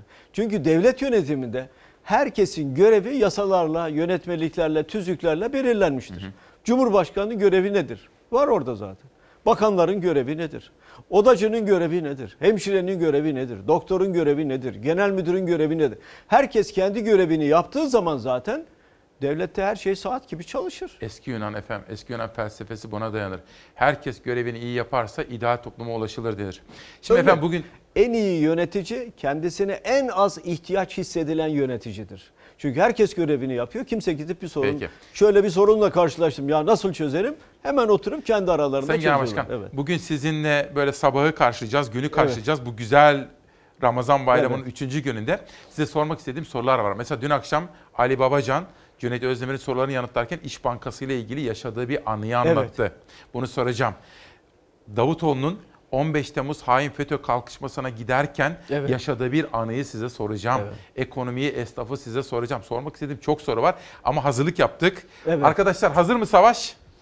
Şimdi bayramlaşma. Tabii bu salgın zamanında hepimiz evlerdeyiz ama bayramlaşmalar da bu bayrama özgü değişti. İzliyoruz. Dönüşte Sayın Kılıçdaroğlu'nun yorumunu alacağız. Bülent abi nasılsınız? Bir bayramda daha beraberiz. Bayramları bayram yapan da ziyaretlerdir. Bizim e, cezeryemiz var. Cezeryemizi buradan size ikram etmiş olalım. MHP'li Mevlüt Karakaya, CHP'li Bülent Kuşoğlu'na abi diye seslendi. Şekerlemeler, çikolatalar uzaktan ikram edildi. Siyasetin gerilimi birkaç saatliğine unutulurken Türk siyasi tarihinde ilk kez partiler arası bayramlaşma video konferansı yapıldı. İyi bayramlar olsun Jülide Hanım. Sizlere de hayırlı bayramlar. Biz maalesef bayrama yine kötü girdik. Siz bu ara e, sürekli olarak bu kayyum meseleleri maalesef e, sıkıntılar yaşadığınız geçmiş olsun gerçekten de. Her Ramazan ve Kurban Bayramı'nın ikinci günü aynı zamanda partiler arası bayramlaşma günü. Koronavirüs nedeniyle bu bayramda parti temsilcileri ziyarete gidemediler birbirlerine. Dijital ortamda bayramlaştılar. Siz bize konuk oldunuz, biz de size konuk olduk. Sanal ortamda da olsa partimizde ağırlıyor olmaktan dolayı çok mutluyuz. O samimiyet, o duygu her ne kadar teknolojide kullanıyor olsak geçti. Öncelikle onu ifade etmek istiyorum. AK Parti bayramlaşma listesine HDP ile birlikte Babacan'ın Deva Partisi ve Ahmet Davutoğlu'nun Gelecek Partisi'nde almadı. MHP, AK Parti'nin bayramlaştığı İyi Parti ile de bayramlaşmadı. Tüm partilerle bayramlaşan tek parti CHP'ydi. Biz AK Parti olarak İyi Parti'ye hayırlı bayramlar diliyoruz. Bayramınız bayram olsun. Bayram sofrasını kurduğumuz gün, huzur ve güven duyduğumuz gün, adaletin herkese sağlandığı gün bayramımız o gün bayram olacak. AK Parti İyi Parti bayramlaşmasında yaşandı bu diyalog. CHP ile Gelecek ve Deva Partileri arasındaki bayramlaşmalardaysa demokrasi ve Kılıçdaroğlu'nun yeni partilere yönelik destek sözü gündemdeydi. Genel Başkanımız dün de açıkladı. Cumhuriyet Halk Partisi'nin Türkiye'de demokrasi konusundaki çağrılarını önemsiyorum ve zaman zaman bizlere de söylüyor Sayın Kılıçdaroğlu'nun çıkışları takdire şayan toplantılarımızda Selim Başkanım. Rakip olsak da çok önemli görüyoruz. Ee, şu anda muhafazakar kesimde çok önemli bir boşluk var. O boşluğun e, sizler tarafından doldurulacağına inanıyoruz. Tüm Cumhuriyet Halk Partisi camiasına iyi bayramlar diliyoruz. Meselelerimize birlikte çözüm arayışı gayretlerini önce tutmak gerekir. Video konferansı bayram ziyaretlerinde taraflar siyasetin sıcak başlıklarına girmedi. Birlik, beraberlik mesajları verildi. Tek yürek olduk Türkiye olarak, tek sesi olduk. Bu ruh olduktan sonra biz e, üstesinden gelemeyeceğimiz hiçbir sıkıntı ve sorun olmadığını düşünüyoruz. Bu kutuplaşmayı, gerilim politikasını aştığımız sürece e, bizlerin çok şey yapabileceğini e, gördüğümüzü düşünüyorum. Bayramlaşma böyle Sayın Kılıçdaroğlu'na soralım. Şimdi aslında biz istiyoruz ki efendim toplum olarak sorunlarımız evet, büyük. evet. Siz bir araya gelin hepiniz. İktidar, muhalefet böyle meseleleri tartışın. Uyarın birbirinizi. Ondan sonra el birliği yapın ve bu sorunları hep beraber çözün istiyoruz. İsmail Bey bayram günlerinde şöyle bir teklifim oldu geçen bayramda. Dedim ki televizyoncu arkadaşlara e, bütün siyasi partilerin liderlerini davet edin bir masanın etrafına. Biz hiç siyasetten söz etmeden çocukluğumuzu anlatalım, gençliğimizi anlatalım, ilk nasıl aşık olduğumuzu anlatalım, üniversite yıllarımızı anlatalım. Yani biz de insanız. Yani bizim de dertlerimiz oldu, üzüldüğümüz günler, Tabii. sevildiğimiz günler, e, sevindiğimiz günler oldu. Dolayısıyla hani insan olarak da toplumun önüne çıkalım. Evet ya bunların da sorunları olmuş, bunlar sorunları nasıl aşmış, nasıl yetişmiş, açlık mı çektik, yoksulluk mu çektik, nasıl bir ailede yetiştik, nasıl bir çevrede yetiştik bunları anlatalım. Emin olun kabul edilmedi. Dolayısıyla bizim siyasetçiler olarak elbette farklı görüşlerimiz olacak. Her birimiz ayrı partiyiz, ayrı programlarımız var vesaire. Ama sonuçta hepimizin ortak hedefi nedir? Türkiye'yi nasıl büyütebiliriz? Evdeki ekmeği nasıl büyütebiliriz? Evde tencere nasıl sürekli kaynar? Nasıl herkese iş, istihdam yaratabiliriz? Nasıl mücadele ederiz? Türkiye'nin gelirlerini nasıl artırabiliriz? Bütün bunların hepsini oturup konuşmak lazım. Geçmişte ben gayet iyi hatırlıyorum. Siz de hatırlarsınız. Yani Liderler turu yapılırdı. Evet, liderler turu yapılırdı, oturulur. Hepsi aynı masanın etrafında En önemli olurdu. meseleler getirilirdi. Bir kişi yönetirdi to- to- şey toplantıyı. E dolayısıyla her parti kendi görüşünü aktarırdı. Şimdi niye olmuyor efendim? E kabul edilmiyor. İktidar kabul etmiyor bunu. Niye? E ben de bilmiyorum diye. Şöyle diğerlerini ayrı tutuyor. Kendisini ayrı tutuyor. Kendisini herkesin üstünde görüyor. Bu bildiğimiz kibir dediğimiz bir bir tutum. Yani kişinin kibre teslim olması, kibrin tutsağı olması kadar yanlış bir şey yok. İnanç açısından da bu son derece, insan hakları açısından da son derece yanlış bir olay. Dolayısıyla Kibirlenme ya. Niye kibirleniyorsun kardeşim? Herhangi bir siyasi partiyle oturup konuşabilirsin. Oturup tartışabilirsin. Uygarca tartışabiliriz.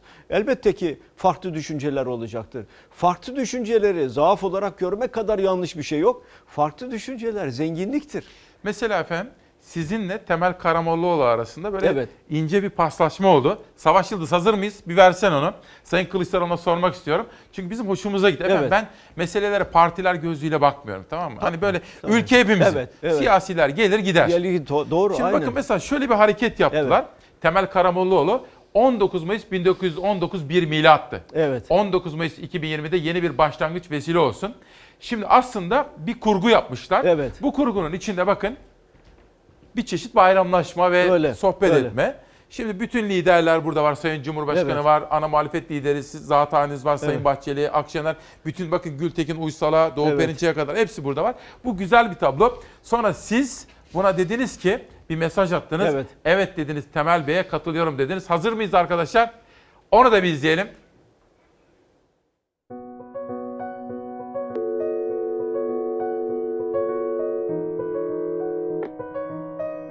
Bugün 19 Mayıs Atatürk'ü anma Gençlik ve Spor Bayramı. Bu vesileyle herkesin bayramını tebrik ediyorum. Ülke olarak zor günler geçiriyoruz. Birlik ve beraberliğe ihtiyacımızın son derece önemli olduğu şu günlerde konuşmak ve meselelerimizi ortak akılla çözmek en büyük ihtiyacımızdır. Ayrıştıkça değil, birleştikçe, bir araya geldikçe hem millet olarak hem de ülke olarak güçlenebiliriz. Buna samimiyetle inanıyorum. Sayın Kılıçdaroğlu ne dersiniz? E gayet güzel. Bir araya gelirsek ülke güçlenir diyor. Evet doğru. Bir araya gelirsek ülke güçlenir. Şimdi bir şey soracağım. Mesela Sayın Cumhurbaşkanı sizi çağırsa birebir sohbet edelim sizinle dese. Evet. Ülkenin tabii iyi noktaları var, kötü noktaları var. Bu iktidarın iyi yaptıkları var, kötü noktaları var. Sayın Kılıçdaroğlu hadi konuşalım bana tavsiyede bulun dese. Mesela ona ne söylerdiniz ilk? Mesela şöyle bir düşünün. Önce e, gergin olmamasını, toplumun her kesimini kucaklamasını, devlette ciddi bir israf var, israfın önlenmesi için e, ciddi çaba harcamasını, e, arada bir vatandaşlarla oturup konuşmasını, e, toplum arasında, sivil toplum örgütleri arasında ayrımcılık yapmamasını, ekonomik sosyal konseyi hemen harekete geçirmesi gerektiğini, bu ülkenin sanayicisi, esnafı, efendim e, e, çiftçisi var. Onlarla arada bir konuşması, onların dertleri var. Gerçekten çok ciddi dertleri var. Onları nasıl çözeceğini, onlardan dinlemesi. Bunları isterdim. Belli aralıklarla siyasi partilerin genel başkanlarını davet edip onların düşüncelerini almalarını veya bir bayram gününde hep beraber bir ortak fotoğraf vererek e, e, o ortak fotoğraf do- dolayısıyla Türkiye'de birliğin ve bütünlüğün ne kadar önemli olduğunu ayrıca kendisinin e, partinin genel başkanlığından ve parti üyeliğinden istifa edip tarafsız bir cumhurbaşkanı olmasını çünkü anayasaya göre cumhurbaşkanları tarafsızdır. Tarafsızlık üzerine görev yapacaklarına dair namusları ve şerefleri üzerine yemin ediyorlar. E, Ona uymasını, e, dolayısıyla tarafsızlık ilkesi içinde bütün siyasi partilere eşit mesafede olmasını söylerdim. Artı elbette ki her kişinin bir siyasi görüşü var. Yani e, Sayın Erdoğan da e, sandığa gidip oy kullanırken gider kendi düşündüğü, inandığı partiye oyunu verir. Kimse buna neden buraya oy verdin sandığa gitme demiyor. Ama tarafsızlık ilkesi çok önemli. İşte bugün Dilipak Akit'te bunu yazmış efendim. Diyor ki e, İngiliz düşünür Bacon'dan yola çıkarak Evet. hükümdarın bir partinin yanında yer alması durumunda devlet gemisinin ağırlığının bir tarafa kayacağını ve o devlet gemisinin su alıp batacağını söylüyor Öyle. Dilipak. Biz Öyle. bunu diyor yeterince tartışmadık diyor. Kesinlikle öyle. Ee, eğer devleti yönetecekseniz, devlette geldiğiniz nokta çok değerli ve önemliyse, tarafsızlık dediğiniz ilke çok önemlidir. Bakın bugün adalet Türkiye'de var mıdır diye yapılan bütün anketlerde kim yaparsa yapsın adaletin yetersiz olduğunu, adaletin olmadığını söylüyor vatandaş. Siz Ad- siz ne diyorsunuz? E, yok zaten. Adalet olsaydı biz adalet yürüyüşü mü yapardık? Adalet şey gibidir, hava gibidir yani.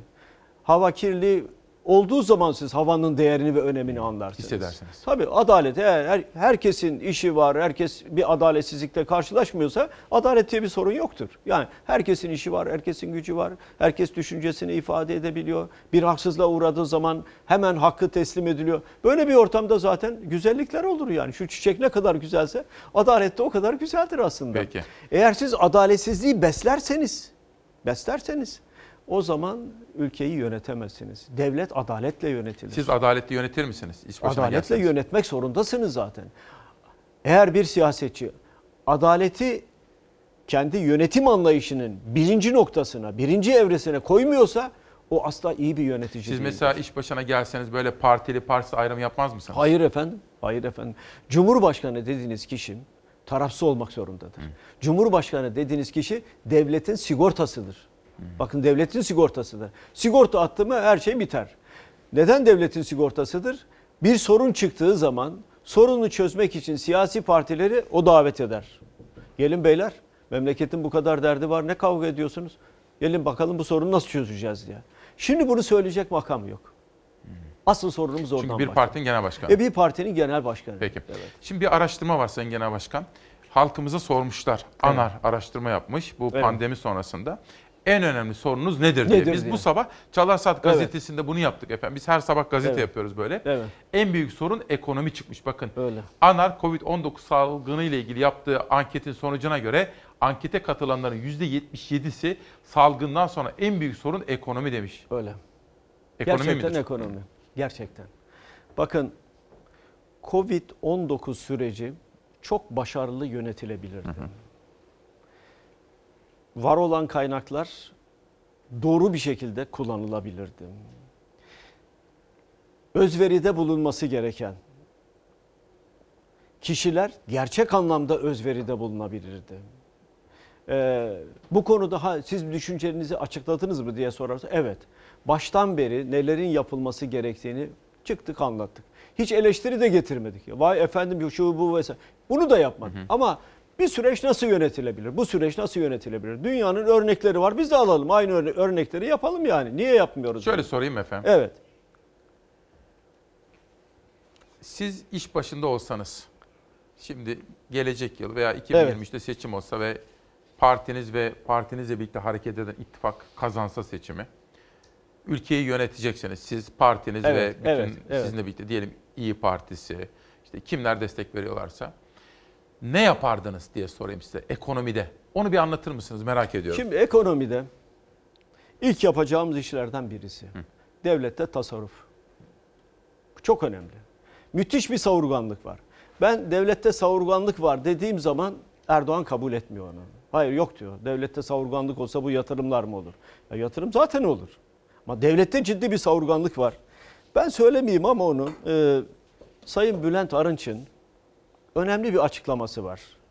Ee, Bursa AK Parti il toplantısında ahde vefa yemeğinde Sayın Bülent Arınç bir konuşma yapıyor. İzin verin bu konuşmayı aynen okuyayım. İsrafın önünü alsak sizden vergi almamıza gerek kalmaz. İsrafın önünü alsak sizden vergi almamıza gerek kalmaz. 13 yıllık iktidarımızın her tarafı altın yazılarla başarıyla doludur. Ama israf konusunda karnemiz kırıktır. Haberiniz olsun Allah israf edenleri sevmez diyor. Belediye başkanı da milletvekili de anne baba olarak da eve, ebeveyn olarak da siz de israf etmeyeceksiniz diyor. Bakın israfı önce israfı önleyeceksiniz. İki doğru dürüst bir bütçe yapacaksınız. Doğru dürüst bir orta vadeli program Yok mu bizde? yapacaksınız. Var da bunların hiçbirisinin şu anda Hayır, ge- bütçe geçerli. doğru düzgün değil mi? Hayır, geçerli yok. Yani örnek vereyim ben size. Gerçekten de büyüme ne diye koydular? Yüzde beş. Bu yıl yüzde beş büyüyecek miyiz? Hayır. Negatif. Herkes öyle söylüyor. Bütün iktisatçılar böyle söylüyor. O zaman demek ki bu bütçenin bir anlamı yok. Milli gelir 812 milyar dolar olacaktı. Şimdi 700 milyar dolardan Revize edilir. Rakamlar bütçe e, E, revize ama edilebilir. şimdi bakın yeni bir bütçeyle. Şimdi Covid süreci yeni başladı. Biz bütçeyi hazırlarken Covid yoktu. Şimdi Covid oldu. Dolayısıyla siz yüz binlerce iş yerini kapattınız. Yüz binlerce insan evine kap- kapandı. Bunların işi olmadı, bunların gücü olmadı. Bakkalından tut, fabrikasından tut, kahvesinden, berberinden, efendim taksi şoföründen, otobüs şoföründen. Bütün bunlar. Peki bunlarla ilgili ne yapacaksınız? Yeni bir bütçe ben söyledim ya da yeni bir ek bütçe getirin. Bunu yapmak zorundasın. Yapmazsanız doğru dürüst ülkeyi yönetemezsiniz. Bunun yapılması lazım. Orta vadeli programın yenilenmesi lazımdı. Bakın ben sadece şunu, şunu söyleyeyim. Bütçe açığı ne kadar öngörülmüştü? 139 milyar 2020 yılında. İlk 4 ayda açık 74 milyar lira. Yani %52'si gerçekleşti. Daha geriye 8 ay var. Ne olacak? Dolayısıyla buna buna baktığınız zaman dedim ki devleti yönetirken bilgiyle, birikimle devleti yönetecek, liyakatle devleti yöneteceksin. Gelecek devleti yönetenler bürokrasi diyecek ki bakın şu şu şu değişimler var. Ya yeni bir ek bütçe veya yeni bir bütçe getirelim. Pandemi sürecini çok daha başarıyla götürebiliriz. Bunların yapılması Mesela lazım. kaynak nasıl yaratırsınız efendim? Ülkenin ihtiyaç duyduğu kaynaklar var. Çünkü yatırım yapmamız gerekiyor. Genç bir işsiz ordumuz var. Çocuklar üniversiteden mezun oluyorlar, iş bulamıyorlar. Kaynak lazım bize. Türkiye zengin bir ülke. Ee, Türkiye'de kaynak da var.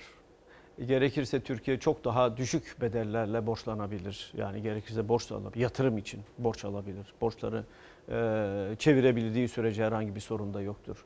E, Türkiye'nin bereketli toprakları var, çalışkan insanı var. En büyük kaynak nedir biliyor musunuz? Gençlerimiz. En büyük kaynak bütün Avrupa'da en büyük kaynak Türkiye'de ve bizim gençlerimiz. Taşı sıksa suyunu çıkaracak mı? Evet. Peki bunlara istihdam yaratıyor muyuz? Hayır. İstihdamı kim yaratacak? Devleti yönetenler. İşsizlik var mı? Evet işsizlik var. Bir evi düşünün. Baba işsiz, anne işsiz, çocuk işsiz, herkes işsiz. Aynı odada birbirlerinin yüzüne bakamıyorlar. Bu olmaz. Çözüm? Çözüm istihdam yaratacaksınız. Bakın sağlıkta istihdam boşluğu olmaz. Sağlıkta. 100 bin hemşire var. Atama bekliyor. Pandemi başladığında eleman sıkıntısı var mıydı? Vardı. Niye kadrolarda olmuyor? Hangi gerekçeyle de olmuyor? Atayacaksınız. Güvenlikte, sosyal güvenlikte boşluk olmaz. Benim güvenliğim, sizin güvenliğiniz, çocuklarımızın güvenliği hala boşluk var. Olmaz bunlar. Eğitim. Ziraat mühendisleri efendim. Tabii eğitim. Eğitimde ciddi boşluğumuz var. Eğitimde. Hala atam. Bakın 20 bin öğretmenin kurası çekildi değil mi? Sayın Erdoğan hayırlı olsun dedi kuralarınızı çektiniz dedi. Gidemediler daha. Niye imzalamıyorlar? 20 bin öğretmene maaş ödememek için. Ya yazık günah ya. Tasarrufu yapa yapa 20 bin öğretmenin maaşından mı yapacaksın? Bunların bir kısmı işlerini bıraktılar. Evet, evet. Bir kısmı Bize özel çok yerlerde çalışıyor. Tabii yani geliyordu size. bu. Bunlar, bunlar olmadı. Bakın bu ülkede yüz binlerce engellimiz var. Sayıları 8 milyonu buluyor. Engellimiz var. Engelli kadroları boş devlette. Niye boş? Niye doldurulmuyor? Engelliden de tasarruf yapıyorlar. Bunların önüne geçmemiz lazım. Buralara atamayı yaptığınız zaman bir rahatlama olur. Hemen birdenbire olur mu? Hayır. Birdenbire işsizlik sorunu çözülür mü? Hayır. Bunun bir belli bir programının olması ve o konuda özel bir çalışma yapılması lazım. Tarım alanında ya çiftçilere bakıyorsunuz yaş ortalamasını 65'i Evet. ve 65 ve onun Ve üstü. genç ziraat mühendisleri var, Tabii işsiz. ziraat mühendisleri var. Veterinerler var. Veterinerler var. Yani Bunların hepsine baktığınız zaman bütün bunları düşünün bir üretim seferberliği başlattığınızı ve bütün bunların hepsinin çalıştığını düşünün. Ve Türkiye'nin ürettiğini düşünün. Şöyle Türkiye'nin saman ithal etmediğini düşünün. Türkiye'nin ayçiçeği ithal etmediğini düşünün. Ya bütün bunların hepsini yapmak Şöyle mi mümkün. anlamalıyım? Bu iktidarın öncelikleri mi hatalı? Yani hani şimdi imkanlarımız var. Bir de yapmamız gerekenler var. Sizden duyduklarım sanki öncelikleri hatalı diyormuşsunuz gibi. Hangi hatadan söz edeyim İsmail Bey? Bir değil, iki değil. Ya bu ülkede bir planlama teşkilatı vardı değil mi? DPT. Tabii. Devlet Planlama Teşkilatı. Nedir Devlet Planlama Teşkilatı'nın görevi? İşte 5 yıllık kalkınma programları yapardı. Ben 5 yıl nereye yatırım yapacağım? 10 yıl nereye yatırım Hmm. yapacağım? Elinoğlu 50 yıl 100 yıl sonrayı planlıyor. Biz yarın sabah ne olacağını bilmiyoruz. Niye kapattılar Devlet Planlama Teşkilatı'nı? Niye kapattılar? Devlet Planlama Teşkilatı nedir? Var olan kaynakların optimum, en verimli nerede kullanılacağı. Önceliğimiz nedir? Onu belirleyecek. Benim önceliğim bu ülkede hiçbir çocuğun yatağa aç girmemesi mi? Yoksa benim önceliğim efendim 5 tane müteahhitin çok daha fazla para kazanması mı? Nedir benim önceliğim? Nedir Allah aşkına? Şimdi siz saman Efendim paramız var da tarım ürünü ithal ediyoruz. E güzel ithal ettin tarım ürünü. Ne oldu peki? Yüz binlerce dönüm iki Trakya büyüklüğünde alan ekilmiyor Türkiye'de. Niye ekilmiyor? Canlı hayvan ithal ediyoruz. Et ithal ediyoruz. Ya Türkiye Orta Doğu'yu besliyordu. Bırakın Türkiye'yi. Orta Doğu'yu besliyordu. Nasıl oldu da bu hale geldik? Şimdi biz bunu söylediğimiz zaman kızıyorlar. Vay efendim şöyledir böyledir vesaire falan filan. İsmail Bey şunu yapmamız lazım.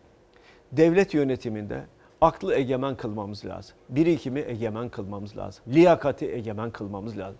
Liyakat bakın devletle siyasi partiler ayrı kurumlardır. Devlet ayrıdır, siyasi parti ayrıdır. Siyasi parti devleti yönetmek üzere gelir. Ne kadar? Vatandaşın görev verdiği süre kadar 5 yıl. 5 yıl gelir devleti yönetirsin. 5 yıl sonra tekrar vatandaşın hakemliğine başvurursun. Devlet olmak için gelmezsin. Devlet olmak ayrı bir şey. Devlet olmak için gelmezsin. Peki niye bunu yapıyorsun o zaman? Niye devlet oldun sen? Her şeyi ben yapacağım diyorsun. Olmaz. Olmaz. Bunlar yanlıştır. Peki. Şimdi efendim bir de biz bir 15 Temmuz hain FETÖ kalkışması yaşadık değil bir mi? şey daha söyleyeyim Buyurun. İsmail Bey. Bu arada çayınız suyunuz geldi Tamam. efendim buyurun. Bir şey daha söyleyeyim. Şimdi pandemi başladı güzel. Evet. Hepimiz bu konuda önlem almak zorunda mıyız? Evet önlem almak zorundayız. Güzel it- itirazım da yok. İş yerleri kapandı. 256 bin iş yeri kapandı. Kapanmalı mıydı? Evet kapanmalıydı. Güzel. Kapandığınız iş yerlerinin sahipleri kiradaysa ne yapacaksınız? Demeniz lazım ki senin kira bedelini ben ödeyeceğim. Hiç meraklanma kardeşim. Dükkanını kapattım. Kiranı 3 ay. 3 ay kiranı ben ödeyeceğim. Orada çalışan işçiler var mıydı? İşçiler vardı. Milyonlarca işçi vardı o kapatılan iş yerlerinde. Otobüs şoföründen, tır şoföründen tutun, taksi şoföründen tutun, kahveye, berbere, kafeye kadar, evlere temizliğe giden kadınlara kadar. Diyecek ki tamam kardeşim hiç meraklanma. Senin 3 aylığını da ben ödeyeceğim. 4 aylığını ben ödeyeceğim. 5 aylığını ben ödeyeceğim. Çünkü senin güvenliğin çok önemlidir. Evinizde oturun. Hiç meraklanmayın. Hiç kimseyi ben bu memlekette aç ve açıkta bırakmayacağım. Sosyal devlet budur. Bu yapıldı mı? Yeteri kadar yapılmadı. Niye yapılmadı? Niye yapılmadı? Bu insanların banka kredi kartı borcu yok muydu? Vardı. Tüketici kredisi borcu yok muydu? Vardı. Ne yapması lazım bir sosyal devletin? Kardeşim senin iş yerini kapattım. Seni evde kalacaksın diye zorunlu hale getirdim. Kredi kartı için borcu için hiç korkma. Ben bankalarla oturup konuşuyorum. Onlar bir yıl süreyle erteliyorlar. Senin faizini de ben ödeyeceğim. Hiç meraklanma kardeşim. Diyebilir mi? Diyebilir. Çağrı bankaları. Kardeşim diyecek herkes şey özveride bulunma zamanı. Sen de özveride bulunacaksın. Bakın evinde oturan adamın borcu arttı. Evinde oturan adamın borcu arttı. Oturduğu yerde. Ama devletten döviz garantili ihale alanların hepsi oturdukları yerde onların da karları arttı. Gelirleri arttı. Çünkü garantileri var. Peki onlar bir özveride bulundu mu? Milyarlarca dolar veriyorsunuz. Milyarlarca Türk lirası veriyorsunuz. Peki onlar bir özveride bulundu mu? Hayır hiçbir özveride bulunmadı. Peki bu mudur adalet? Bunu söylemeyecek miyiz? Yanlış değil mi? Bayram günü. Ben istemez miyim her evde huzur olsun? Ben is- istemez miyim her evde insanlar güler yüzlü olsun? Her, yerde insanlar benim çoluk çocuğumun işi var, gücü var. Hiç işsiz kalmayacak diye. Üniversiteyi bitiren bir çocuğun işsiz kalması ne demektir? İşsizlikle ilgili bir kampanya açma, bir mücadele programı ortaya koymanız lazım. Bu ülkede hiç kimse işsiz kalmayacak diyeceksiniz. Yani hedef bir hedef koyacaksınız ortaya. Hedefi izleyeceksiniz. Hedefi gerçekleştirmek için Çünkü çaba çok önemli bir sorun. Gerçekten ekonomi, yoksulluk ve işsizlik çok ciddi bir sorun. Buna döneceğim. Evet. Ama efendim şimdi çok sormak istediğim soru var. Önceki Başbakan Ahmet Davutoğlu Evet. bir açıklama yaptı. Günlerdir bu konuşuluyor. Biz ülke ve toplum olarak ve devletimiz bir travma yaşadık. Ne zaman? 15 Temmuz hain FETÖ kalkışmasında. Evet. Şimdi Davutoğlu bir açıklama yaptı. Dedi ki ben başbakanken Hakan Fidan da o zaman da yine MIT'in başındaydı. Evet. MIT bir rapor hazırlamıştı. Ve bu dişli darbenin iki Evet, numarası evet, biliyorsun. numaralı. Biri Adil Öksüz, Evet, biri de dişli. evet. Biz bunu emekli etmek istedik dedi. Bırakın terfiyi, emekli etmek istedik dedi. Bu günlerdir konuşuluyor. Savaş hazır mı haberimiz? Haberi bir izleyelim. Bu 15 Temmuz'a dair Ahmet Davutoğlu'nun yaptığı açıklamaları bakalım CHP lideri Kılıçdaroğlu nasıl yorumlayacak? 2015 şurasına giderken Sayın MİT Müsteşarı'nın son derece titiz bir çalışmasıyla bize listeler sunuldu. Biz onlara o bilgilere dayanacağız.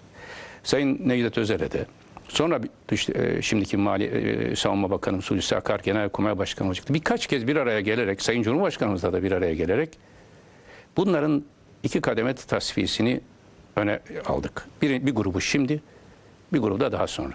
Açık söyleyeyim bunları bu ağır suç şeyler karşısında, ithamlar karşısında bazı şeyleri söylemek zorunda hissediyor insan kendini. Mesela Mehmet Dişli'nin kesinlikle emekliye sevk edilmesi konusunda ben de MİT müsteşarımızda çok ısrarlı olduk. O dönemde 2015 Ağustos Şurası'nda siz 2015 söylediniz tabii, mi? tabii tabii. Yani bu bilgiyi MİT'ten gelen e, bir rapor MİT'ten gelen rapor üzerine söyledik. Ve son geceye kadar da onun emekliye sevki söz konusuydu. Son gece veya o e, şeyde kanaat değişti. Ama bu kanaat benim sevimle değişmedi. Bu devlet şey girmek istemem detayına.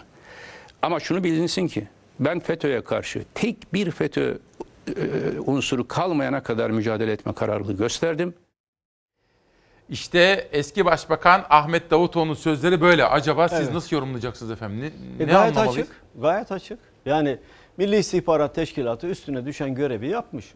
Ordudaki FETÖ'cüleri tespit etmiş, getirmiş. Bunların emekli edilmesi ya da ordudan ayrılması lazım. Bunu koyuyor ortaya. Son geceye kadar da zaten bu konuda hiçbir görüş ayrılığı yok. Ama son gece ne oluyorsa o yerinde kalıyor. E ne olur son gece? Bu işin başında olan kim? Ben değilim. Başbakan da değil. Cumhurbaşkanı. Öyle anlaşılıyor. Başka kim olabilir yani?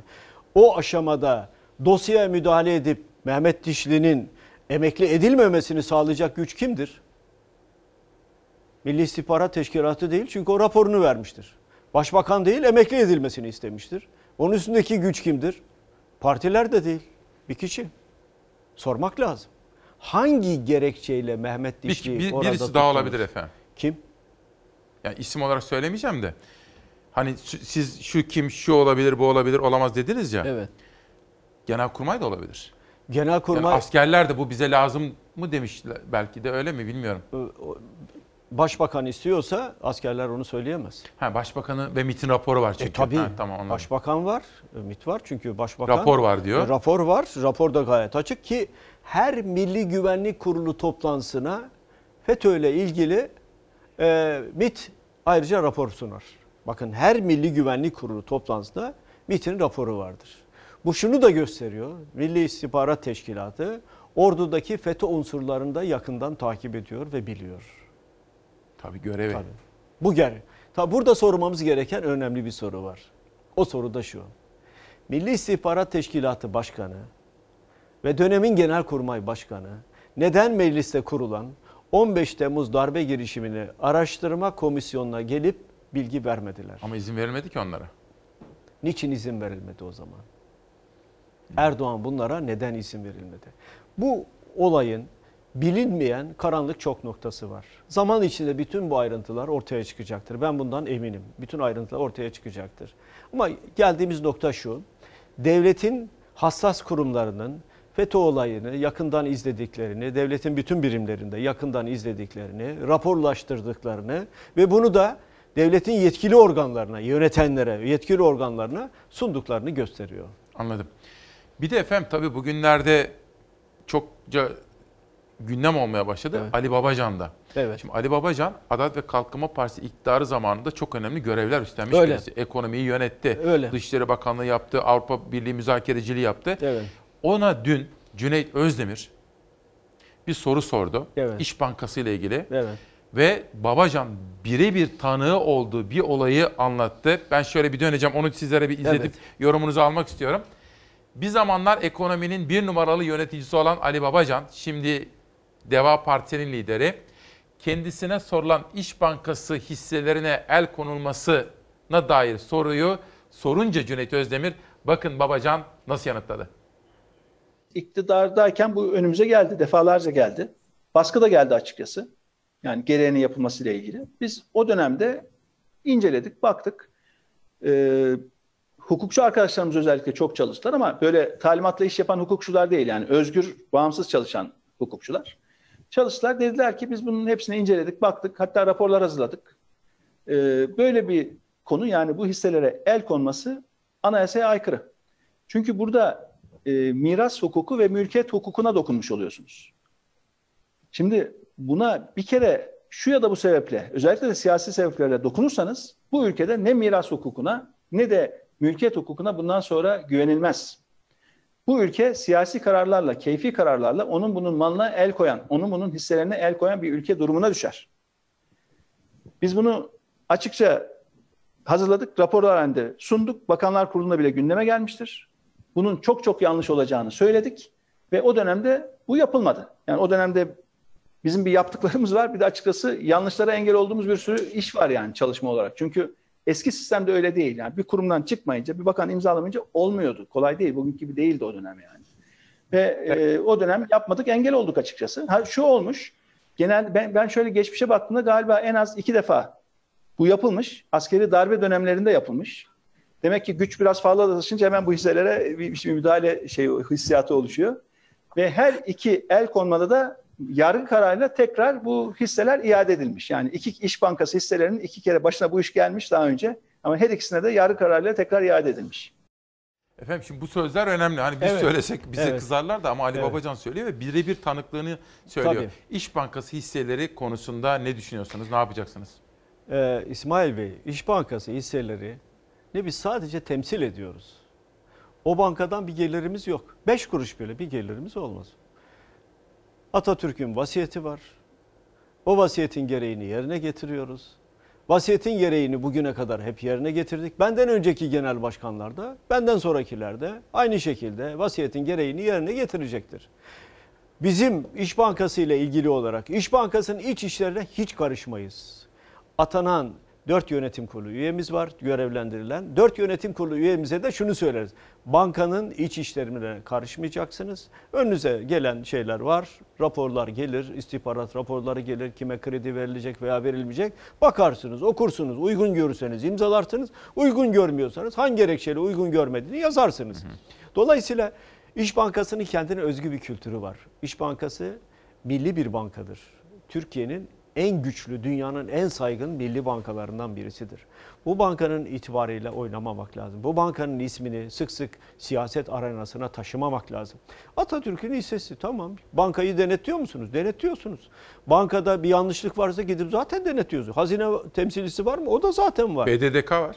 BDDK günün 24 saati istiyorsa zaten denetleyebilir. Bankacılık Peki oralarda. neden illa İş Bankası? Neden? Hep darbe dönemlerinde olmuştur bu. Darbe dönemlerinde. Kenan Evren de yaptı. Şimdi de 20 Temmuz sürecinden sonra aslında bir sivil darbe dönemi yaşıyoruz. Yani şimdi de illa İş Bankası'nı CHP'nin oradaki temsil yetkisini CHP'nin elinden alacağız. Efendim ne olacak? İşte bunu hazineye vereceğiz. Veya bir başka yere. Planı bilmiyoruz. Onlar şunu tahrik etmek istiyorlar CHP'yi. İşte CHP sokağa çıksın, CHP itiraz etsin, CHP şunu yapsın, CHP bunu yapsın. CHP hiçbir şey. CHP hukuk. Bakın geçmişte nasıl böyle Atatürk'ün mirasını el konduysa, nasıl hukuk açısından mücadeleyi yaptık, başarı elde ettiysek aynı başarıyı yine yapacağız. Bir dakika. Bir şey soracağım efendim. Tabii. Özür diliyorum. Sözünüzü kestim. Evet. Şimdi bu sizin son dönemde sıklıkla tekrar ettiğiniz bir Evet. söylem. Evet. Bizi sokağa çekmek istiyorlar Öyle. diyorsunuz. Biz oyuna gelmeyiz. Gel, ben. Erdoğan'ın ne yapmak istediğini biliyorum Öyle. diyorsunuz. Evet. Ve peş peşe yorumlarınız var. Bir, Adana Yüreğir'de bir genç tutuklu. Evet. CHP ilçe Ge- Gençlik Kolları Başkanı. Yüreğir e, Gençlik Kolları Başkanımız. İzmir'de Banu Özdemir bu ezan tartışması failini Evet. bulun dedik. Evet. Halk düşmanları var Evet. orada çünkü Evet. provokatif bir şey Tabii. o besbelli. Tabii. O bulunamadı ama Banu Özdemir içeride. Bu ve benzeri olaylara ilişkin yorumunuzu izlerken hep şunu söylüyorsunuz. Bizi CHP tabanı sokağa çekmek istiyorlar diyorsunuz. Bunu bir anlatır mısınız? Ne Şimdi demek istiyorsunuz? Şöyle Erdoğan e, toplumun yaşadığı derin e, sarsılmayı toplumun gözünden kaçırmak için bir düşman yaratmak zorunda. Ona göre düşman da Cumhuriyet Halk Partisi. E, dolayısıyla Cumhuriyet Halk Partisi'nin her konuşmada bir şekliyle suçluyor. Üstelik hani kuralsız bir şekilde suçluyor. Üstelik bazen ahlak sınırlarını aşarak e, suçluyor. Biz bunlara gayet sakin sakin cevap veriyoruz zaten. Herhangi bir e, derdimiz de yok. Şimdi Yüreğir Gençlik Kolları Başkanımız. Evet. Soruyor orada ne yapıyorsunuz diye. Kaymakamın koruması elinde silah, şarjörü çekiyor, mermiyi namluya veriyor ve silahı dayıyor. Şimdi kim suçlu burada?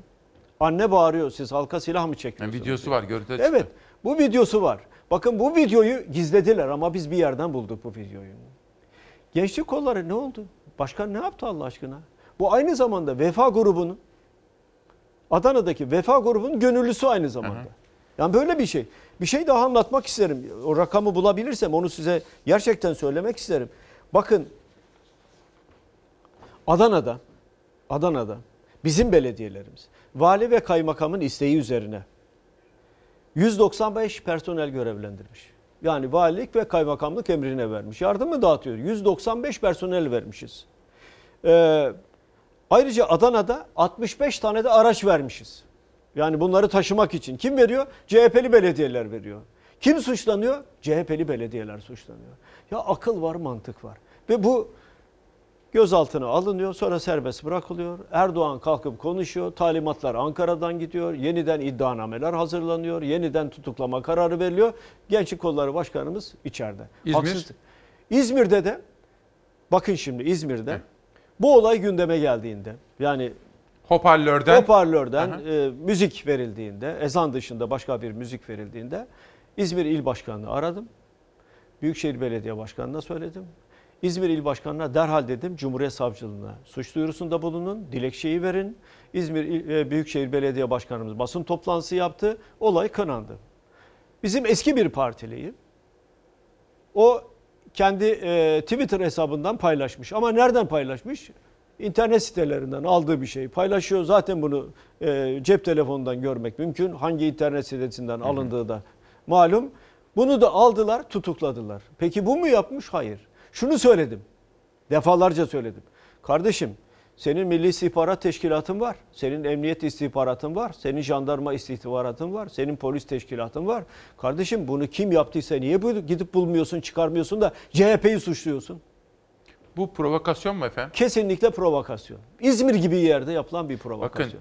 Bakın e, Kübra Par'ın yazısında da vardı. İzmir müftüsünün de İzmir Belediye Başkanı Tunç Sayar'ın da buradaki olumlu tutumu, Evet. yapıcı tutumu, mü- müftü de öyle. Evet efendim. Yani İzmir'e yakıştıramıyoruz. Biz bu, burada provokasyon var. Halk düşmanları var Evet. efendim orada. Bizim İzmir gençlik kollarımız gitti. Duvarları doğru dürüst bakımsız olan bir camiyi tapeden tırnağa da boyadılar. Yani yani Allah aşkına yani bir akıl tutulması var. Bir akıl tutulması var. Yani gideceğini görüyor beyefendi. O zaman ne yapmam lazım? Acaba bu CHP'yi nasıl geriletirim? Ya niye gerilesin CHP kardeşim? Niye Şöyle gerilesin? CHP halktan yana mı? Evet. Ayrımcılık yapıyor mu? Hayır. Bölücülük yapıyor mu? Hayır. Herkesi kucaklıyor mu? Evet. Yardım mı? Evet. Ya bizim belediye başkanlarımız tarih yazıyorlar ya.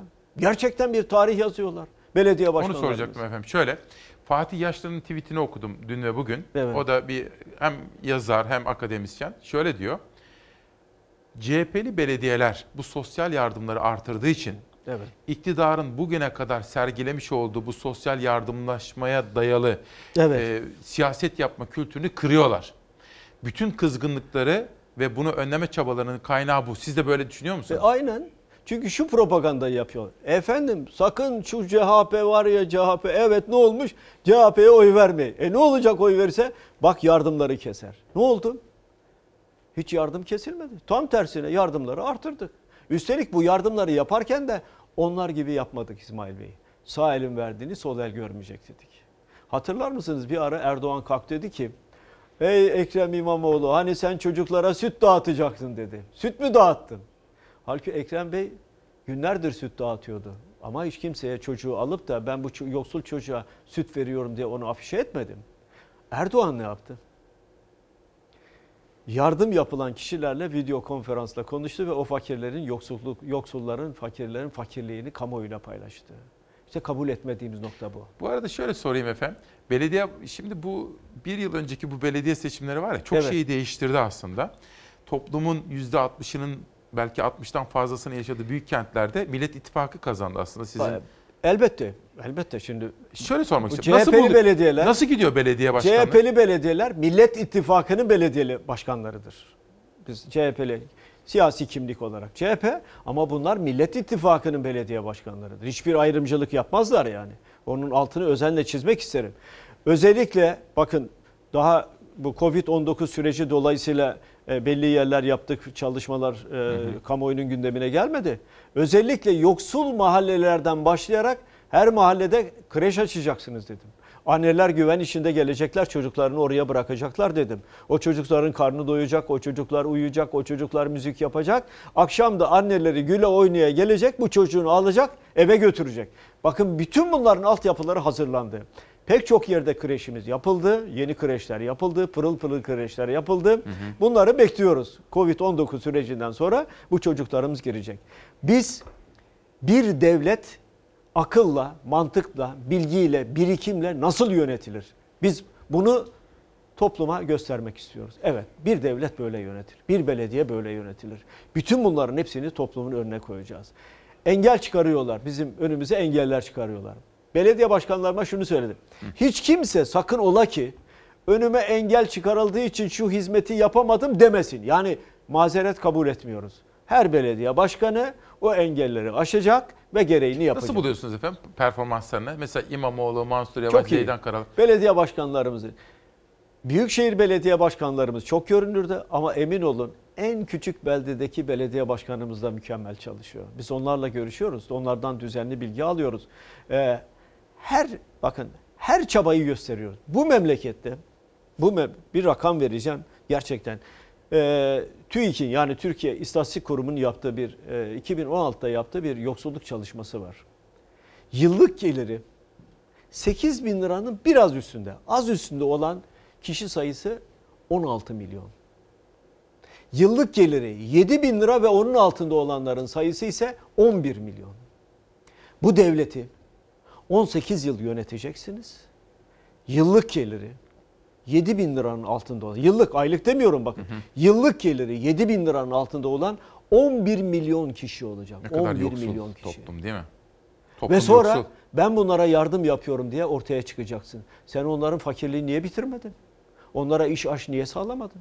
Onların sosyal güvenliği niye yok? Onları neden devlete muhtaç hale getirdin? Öyle bir sürece geldi ki İsmail Bey esnaf bile esnaf bile yardım paketi istemek zorunda. Ne yapsın, Ne yapsın? efendim? Dükkan kapalı. Kapandı dükkan. Dükkan kapandı. Bir olayı bana Kahveciler Derneği Başkanı anlatmıştı. Kahveye müşteri az gelince iki kişiyi çıkarmak istemiş. Ankara'da iki kişiyi çıkarmak istemiş. Bu iki kişi gelmişler. Ya eve götürecek ekmeğimiz olmaz yani. Yalvarmışlar yakalmadı. Bize verdiğin ücretin daha azını ver demişler. Biz çalışmaya razıyız. Ve bunu kahveci çalıştırmak zorunda kalıyor. O da insan, onun da vicdan sahibi. O da yanında çalışan insanın huzur içinde evine ekmek götürmesini isteyebilir. Sonra Covid'le dükkan tamamen kapanıyor. Kira ödeyecek. Nasıl ödeyecek kirayı? Sosyal devlet dediğiniz nedir İsmail Bey? Sosyal devlet gerçeğini bilmemiz lazım. Sosyal devlet şudur. Sosyal devlet fakirden fukaradan yana olan devlet demektir. Sosyal devlet zor günde vatandaşın yanında olan devlet demektir. Sosyal devlet vatandaşa yardım paketi verip öbür taraftan dolarla ihale alanlara 3 milyar 5 milyar lira parayı zamanda ödeyen devlet demek değildir. Sosyal devlet budur. Sosyal devlet çocuğun yatağa aç girmediği bir devlettir sosyal devlet. Sosyal devlet devletin bütün kaynaklarını 5 tane müteahhide teslim eden devlet demek değildir. Arada fark var. Şimdi ben bakın aylardır soruyorum. Parti sözcüğümüz aylardır soruyor. Diyor ki siz dolarla ihale alanlara 2 milyar 300 milyon lira.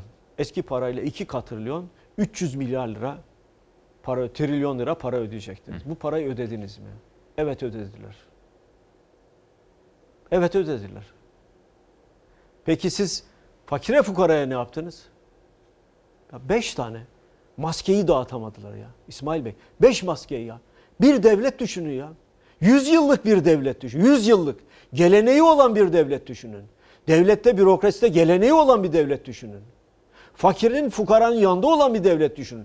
En zor zamanlarda uçak fabrikası kuran, devlet demiryollarını büyüten, efendim planlama örgütlerini kuran bir devleti düşünün. 18 yıl bir siyasi parti gelecek bu devleti yönetecek. 5 tane maskeyi dağıtamayacak ya. Bir soru. Maske ya bu maske ya başka bir şey değil. Şimdi birkaç gün evvel oldu. Çokça da tartışılıyor ekonomi dünyasında. Bir vergi geldi efendim. Yeni bir vergi. Şimdi mesela dolar alırsan satarken Evet. yüzde bir. Evet. Ondan sonra altında benzeri bir. Onu soracağım ama Seçtiğim tweetler vardı arkadaşlar. Onları bir aktarır mısınız? Şimdi Koray Aydın'ın da tweetini okudum sabah. Diyor ki bu Evet. diyor adeta deli dumrul vergisi gibi diyor. Şimdi hazineyi bitirdikleri için diyor. Evet. Hani köprünün başında durmuşsun. Geçsen de vereceksin, geçmesen de de. vereceksin diyor. Efendim döviz işlemlerinde de vergi. Öyle. Altın alım satımında da. Bunu nasıl yorumluyorsunuz? Siz çünkü e, aslında ekonomi yönetiminden geliyorsunuz. Öyle bir bürokratik geçmişiniz de var. Hesap uzmanısınız. Evet. Bunu bir anlatır mısınız? Biz anlayamadık. Bu ne demek? Şimdi devletin e, gelirleri var. Bu bazen vergi geliridir, bazen kira geliridir, bazen de devlet borçlanır zaten. Dolayısıyla devletin kendi gelir kaynakları var. Nerede gösterir bunu? Bütçede gösterir. Bu paranın nereye harcandığını nerede kim belirler? Yatırım programları yapar, ona göre de yaparlar. Kendi öncelikleri vardır, halkın önceliği vardır. Şimdi burada kendi önceliklerini dikkate aldılar. Büyük yatırımları oraya yaptılar.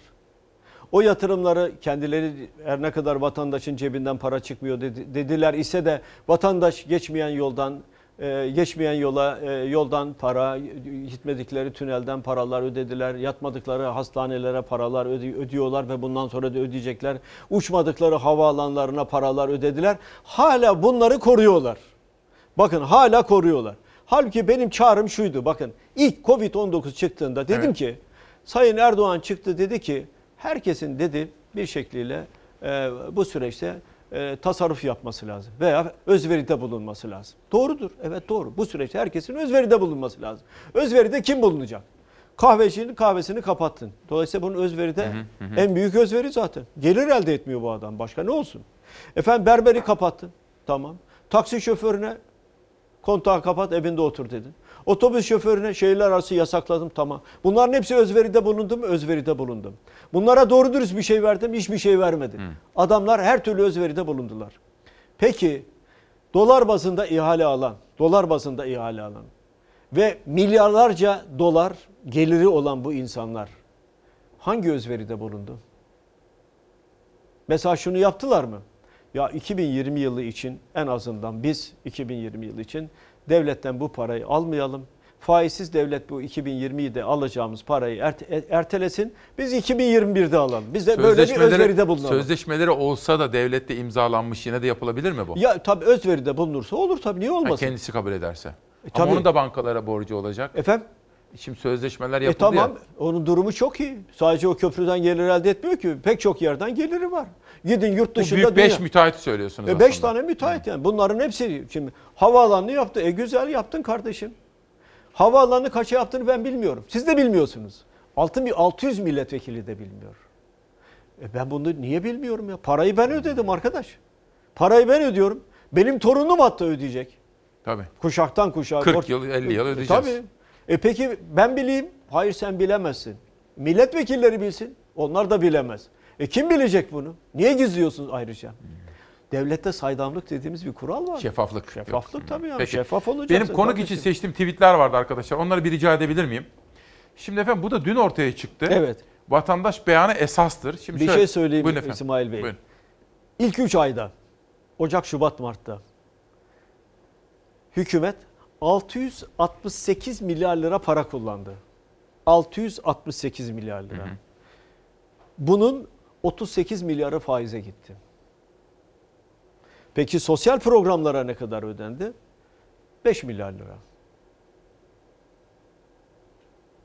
Tablo net aslında. Faize Para faize gidiyor. 38 ta faize gidiyor yani. 38 milyar lira ilk 3 ayda ödüyorsunuz. Fakir fukaraya ödedin işte 1000 liraydı. e- Efendim, emekli aile 1500 lira olacak vesaire ki diyorduk 1500 lira da altında var. itiraz ediyorlardı. Onlara da Peki.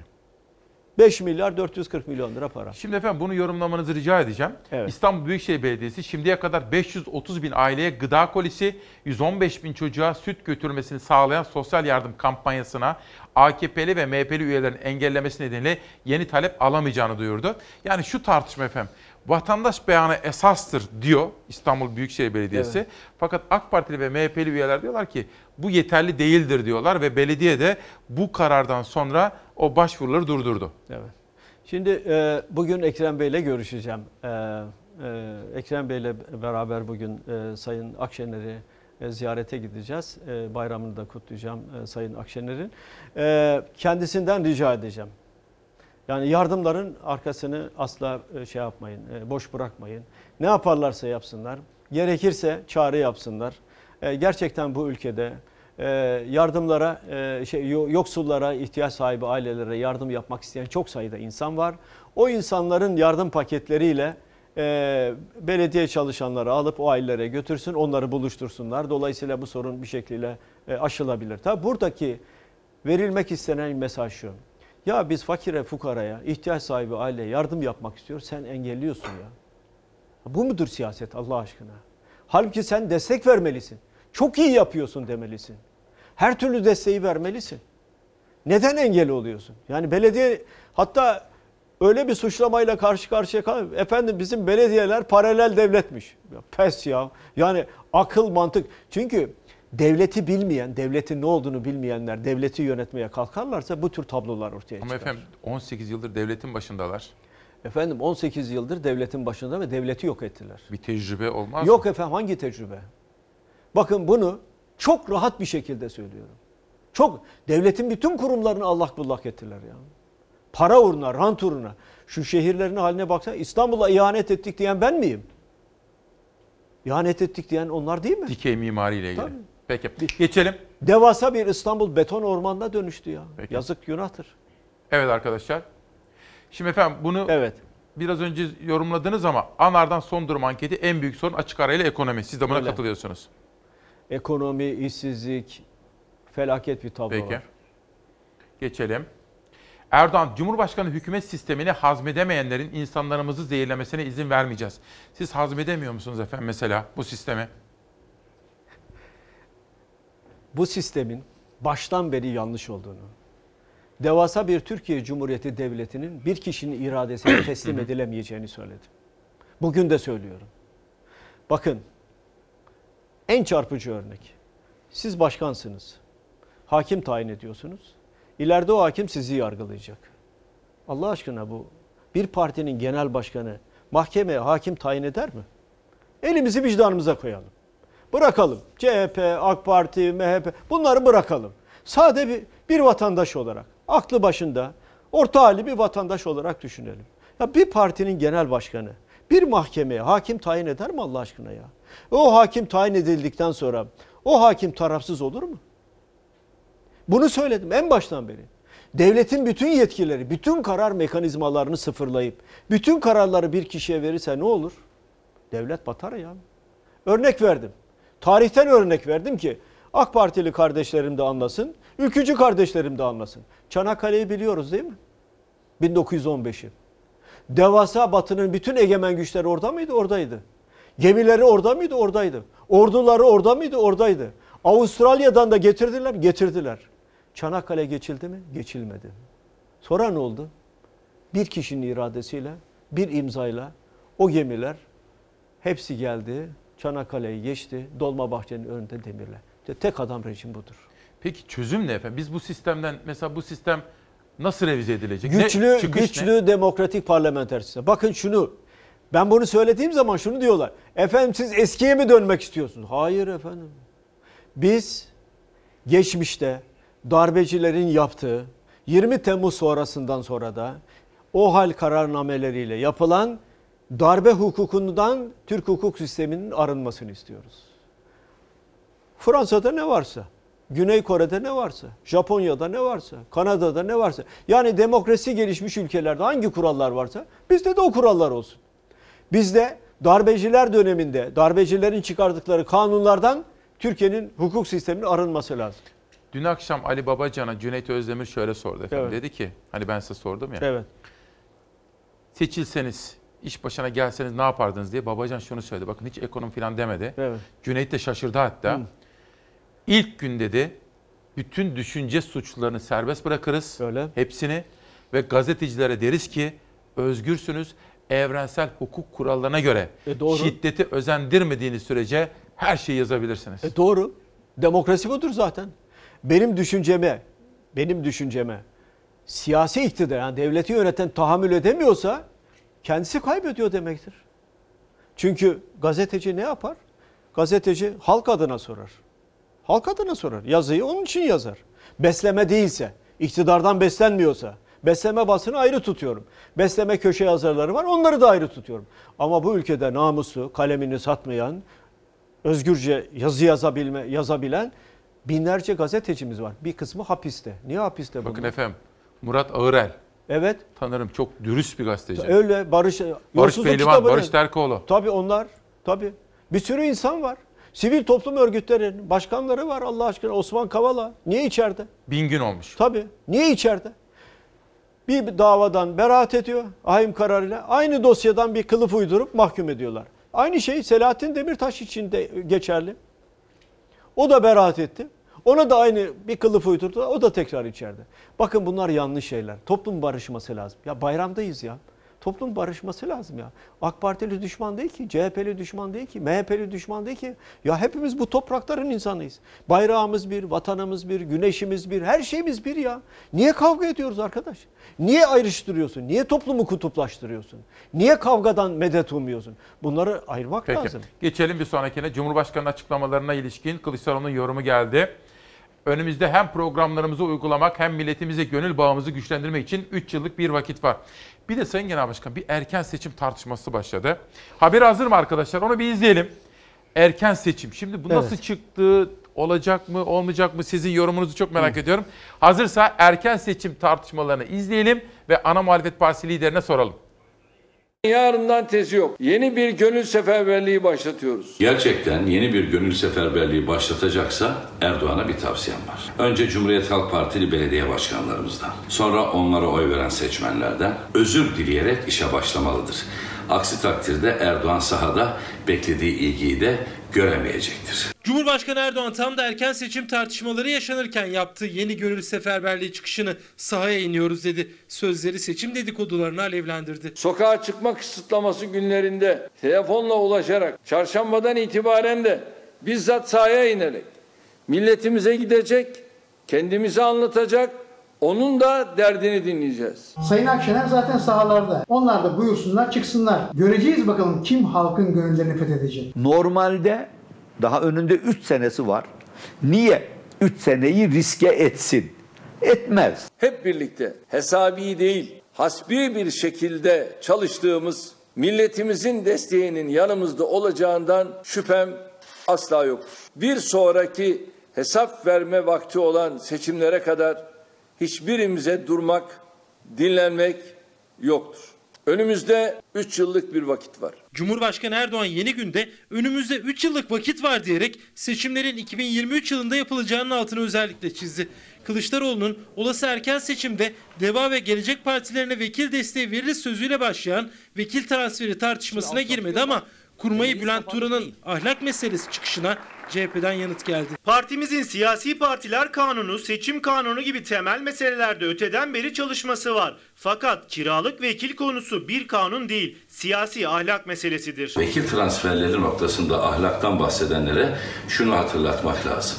2018, 2019 ve 2020 yıllarında vekil transferleri yapıldı ve ikisi AK Parti'ye, birisi Milliyetçi Hareket Partisi'ne. Bu transferleri yaparken siyasi ahlakınızı dondurucuya mı koydunuz? Çok merak ediyorum. Yasal düzenlemelere göre bir partinin seçime girebilmesi için 41 ilde teşkilatlanması gerekiyor. O 41 ilinde üçte bir ilçesinde teşkilatlanması gerekiyor. Bu A planı. Bir de B planı var.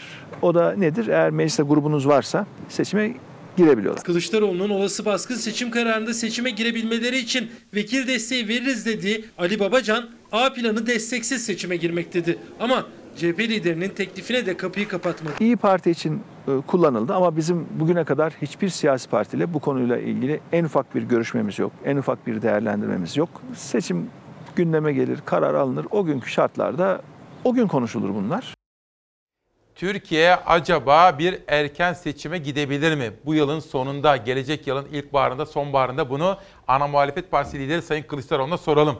Ne dersiniz efendim? Şöyle e, seçime gidip gitmeyeceğimini gitmeyeceğimize iki kişi karar verir. Birisi Erdoğan'dır, ikincisi ortaklığı bozacak olan veya bozma ihtimali olan veya bozma düşüncesi olan Bahçeli'dir. Parlamentonun vesayet altında olduğunu söyleyeyim. Bakın bunun altını özenle çizeyim. Parlamento AK Parti ve MHP Erdoğan'ın vesayeti altındadır. Erdoğan talimat verdiği zaman el kalkar, Erdoğan talimat verdiği zaman el iner. Dolayısıyla erken seçime kim karar verir? Erdoğan karar verir. Veya Bahçeli der ki hayır ben artık bıktım. Bunlar ekonomiyi de e, iyi doğru dürüst yönetemiyorlar. Memleketi felakete sürüklediler. Bir an önce erken seçime gidelim diyebilir. O zaman ortaklık bozulur, seçime gidilir. Ama ben bütün bunları bir tarafa bırakarak samimi olarak şunu söylüyorum. Biz şu anda seçim bildirgemiz dahil olmak üzere her şeyimize hazırız zaten. Biz alanlardayız. Bir belediye başkanlığı seçim bitti. Biz hemen çalışmalarımıza başladık. Neleri nasıl yapacağız, hangi vaatlerde bulunacağız, memleketin sorunları ve nedir o sorunları nasıl çözeceğiz? Bakın şunu söyleyeyim İsmail Bey. Covid-19 ile ilgili en mükemmel raporu yazan parti biziz. İlk raporu yazan da biziz.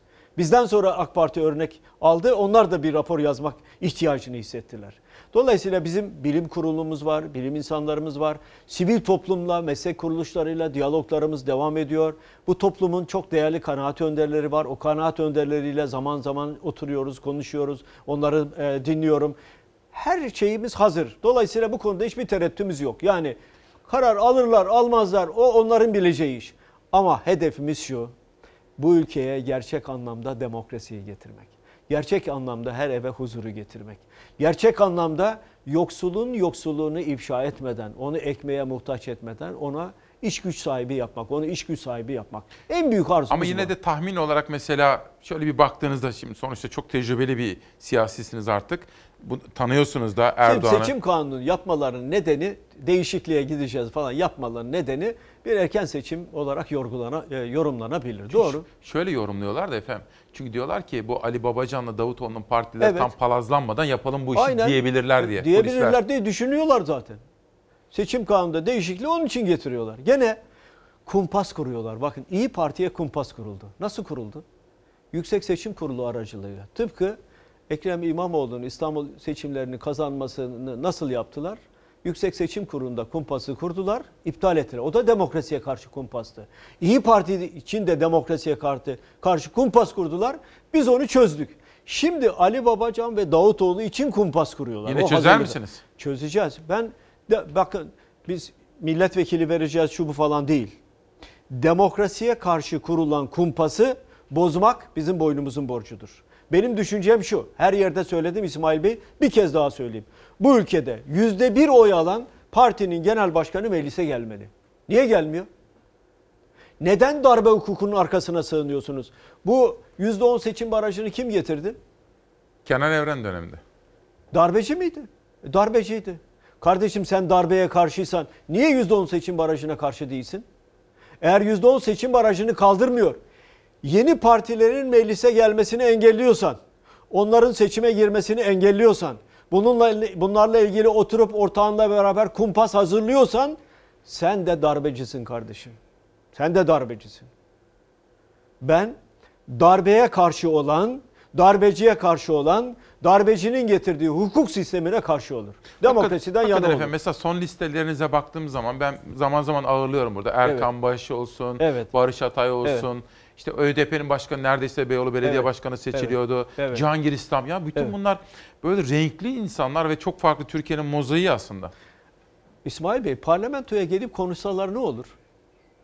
Gel, gelse şimdi Temel Bey geldi parlamentoda çıktı kürsüye konuştu. Bu parlamento açısından bir zenginlik değil mi? Türkiye açısından bir zenginlik değil mi? Veya başka bir partinin lideri. Siz diyorsunuz ki eğer bu Babacan'la Davutoğlu'nun partilerine yönelik de bu veya başka türlü bir Evet. takım kumpaslar kurulursa engelleme girişimi Evet. biz bunları çözeriz diyorsunuz. O kumpasları çözmek, etkisiz hale getirmek benim boynum borcudur. Herkesin seçime katılmasını isterim. Demokratik demokrasi ayağı altı, adı, adı altında kimsenin önüne engel konmasını Peki, istemem. Şimdi aslında çok net aslında şimdi. Efendim bir de tarım üretici şimdi bizim İsmail Küçüköy'le Demokrasi Meydanı'nda hiç vazgeçmediğimiz her Evet. günkü gündem konularından birisi bu. Evet. Ben bundan bir ay kadar evvel İstanbul Büyükşehir Belediye Başkanı Ekrem İmamoğlu'nu burada Demokrasi Meydanı'nda Evet. ağırladım. Ondan bir ya da iki gün önce siz bu Millet İttifakı'nın Büyükşehir Belediye Başkanlarını toplamıştınız. Ben de İmamoğlu'na sordum. Sayın Kılıçdaroğlu sizlere ne söyledi dedi. O da dedi ki Sayın Kılıçdaroğlu bizlere talimatlar verdi. Evet. Bunlardan birisi şu. Hiçbir partimi ayrı, parti ayrımı gözetmeksizin sosyal yardımlara ağırlık vereceksiniz. Dayanışma Öyle. Şimdi Öyle, bu öyle. ve mesela Ankara'dan da bakıyorum İstanbul'da, Adana, Mersin tarımsal üretimi destekleyen yeni bir tip Öyle. bilmiyorum ama bir sosyal belediyecilik çıktı ortaya. Bunu biraz anlatır mısınız? Şöyle, şimdi önce çiftçinin durumundan söz. Etmezsem e, haksızlık etmiş olurum. E, çiftçinin durumu pek parlak değil. Gerçekten son derece e, zor durumda çiftçi. Covid sürecinde de bu zorluk yaşandı. Yapılması gereken neydi? Şu açık çağrıyı yaptım. Dedim ki ya gelin iktidarı, muhalefeti hep beraber şu çiftçilerin borcunu silelim. Bitti bu kadar. Üretim yapsın bu adam. Ha silemiyorsanız, efendim bu çok ağır bir yüktür diyorsanız ikinci bir seçeneğimiz var. Nedir o seçenek? Çiftçilerin borcunu bir yıl süreyle erteleyelim. Yeniden yapılandıralım. Faizini devlet ödesin. Ne olacak çiftçinin kullandığı faiz? Aynı şeyi esnaf için de söyledim. Esnafın da borcunu erteleyelim bir yıl süreyle. Yeniden yapılandıralım. Onun da faizini devlet ödesin. Ya devlet dediğiniz zaten bunun, bunun için var zaten. Sen tefeciye 38 milyar lira para veriyorsunuz. Eski parayla 38 katrilyon lira para veriyorsun. 4 ayda ya çiftçinin, esnafın yani bankalara olan borcunu yeniden yapılandırırsın. Faizini de devlet olarak dersin ki ben ödüyorum kardeşim, esnaf kardeşim, çiftçi kardeşim. Hiç meraklanma. Sen yeter ki üret. Yeter ki alın teri dök. Senin bir sorunun varsa ben çözerim denmesi lazım. Büyükşehir belediye başkanlarımız gerçekten Evet. güzel çalışıyorlar. Bakın tarımla e, kırsalla kent arasında sağlıklı ve tutarlı bir dengenin oluşması lazım. Efendim bu arada çay geldi. Arkadaşlar size ve Evet. bana çay getirdiler. kentte yaşayanlarla kırta- kırsalda yaşayanlar arasında sağlıklı bir iletişimin olması lazım. Bunu e, başlangıçta hakkını yemeyelim. e, Aziz Kocaoğlu İzmir'de gerçekleştirdi. Bu projeyi Bir büyüttü. Süt kooperatifi. Yılmaz Süt. Hoca'nın da öyle bir Tabii projesi Yılmaz vardı. Hoca da aynı şekilde yaptı. Bu iki belediye başkanımızın bütün çabalarını diğer belediye başkan Aydın da yaptı. Aydın özellikle Özel o da yaptı. Hatta Aydın İzmir'e de şubeler açtı. Yani o kadar güzel ama üreticiyi rahatsız etmeden, üreticiyi koruyarak, onlara kaynak aktararak. Kırsalda genç nasıl kalacak? Geliri olursa kalacak. Üretirse kazanacak. Gelir elde ederse kazanacak. Sosyal kentin getirdiği sosyal e, yararlardan nasıl yararlanacak? Arabasına binecek, gidecek, sinemasına da, tiyatrosuna da, eğlence merkezine de gidecek, gelecek, e, tarlada çalışacak, üretimini yapacak, elde, gelir elde edecek. Yani bütün bunları yapmak lazım. Hem kenti kazanacak hem kırsaldaki insan kazanacak. Bu dengeyi sağlıyoruz. Aynı şekilde mesela Ankara, Mansur Bey hakkını yemeyelim. O da e, kırsalla ilgili çok güzel kararlar aldı. Ya asbestli boruların, su boruların değiştirilmesine bile karşı çıktılar ya. Ya insaf da ya insaf ya. Ya Ankaralı temiz su içecek ya. Asbestin biliyorsun kansere yol açan bir özelliği var. Bütün dünyada kaldırıldı. Ya Ankara'da yıllardır yapamadınız. Bırak ya belediye başkanı bunu yapacak. Ona bile engel oluyorlar. Buradan bütün vatandaşlarıma söylüyorum. Bakın bayram günüdür. Bayram günüdür. Bunları söylediğim için de son derece üzgünüm ama söylemek zorundayım. Ya arkadaşlar bu memleketi huzur içinde yönetmek var ya. Vatandaş yetkiyi vermiş. Parayı çalacaksa müdahale et. Yanlış yaptıyorsa müdahale et. Yolsuzluk yapıyorsa müdahale et. Hep beraber edelim. Ya bu adam kente hizmet etmek istiyor. Yaptığı hizmetin bakın ihale yaparız kamuoyuna açık. Onu söyledim. Şeffaflık olacak. Kamuoyuna açık. İki, harcadığınız para bizim yedi maddemiz vardır. Belediye başkanları için yedi maddemiz. Harcadığın para senin paran değil kardeşim dedik. Harcadığın para milletin parasıdır. Nereye harcadıysan onun hesabını millete vereceksin. Şimdi bütün bunlar varken engel çıkarıyorsunuz. Niye engel çıkarıyorsunuz? Hangi gerekçeyle engel çıkarıyorsunuz? Kırsalı da koruyacağız. Bakın çiftçinin yüzü gülecek. Ofis çiftçinin kara gün dostudur denirdi değil mi? Büyük. Tabii yazardı. TM onun Yazardı. o buğday ambarlarında falan Şimdi kara yazardı. gün dostu mu? Hayır. Gidin Mardin'e. Mardin'de çiftçilerin elektrik borcu nedeniyle şey yaptılar ya. Şanlıurfa'da. Ve Şanlıurfa'da, Mardin'de bunlar yapıldı yani maalesef maalesef. Şimdi mesela hoşuma giden şu efendim. Üreticinin elindeki ürünü alıyorlar. Mesela Mansur Yavaş dedi, dedi ki işte verin. Şimdi mesela ya da işte İstanbul Belediye Başkanı gitti Adana'dan, Ankara Belediye Başkanı gitti Mersin'den limonları alıyor mesela Tabii. ve ihtiyaç sahiplerine dağıtıyor. Şimdi bu benim hoşuma gidiyor. Hani hangi parti bana ne hangi Öyle. ama bu sosyal dayanışma ve üreticiyi destekleme. Efendim, üreticiyi desteklemezseniz seneye üretmez. Tabii. Seneye üretmezse Aç biz kalırız. nasıl saman it- ithal ettiysek bu sefer nohudu da tutun ya yakında portakal ithal edersek ona da şaşmayalım yani. Limon ithal edersek ona da şaşmayalım. Çay ya çay ithal ediyoruz ya çay. Bakın çıktım Rize'de şunu söyledim. Kardeşim kaçak çay yakaladığın zaman meydana koyacaksın, yakacaksın bu çayı. Kaçak çayı alıyorlar, tekrar değişik yollardan piyasaya sürüyorlar. Kim zarar görüyor? Çay üreticisi. Tabii. Bakın Rize'de her gittiğimde çay üreticilerinin sorunlarıyla ilgilendim. Her yeri. Ya bu buranın hayati kaynağı budur. Fındık hayati ka- Ka- Karadeniz için stratejik üründür bunlar. Bu insanlar burada huzur içinde yaşayabilmeli, geçinebilmeli, imkanlar olmalı. Siz aldınız, ne yaptınız ya? Perişan ettiniz ya. Peki. Şimdi gündeme şöyle görseller üzerine bir bakalım Tabii. efendim.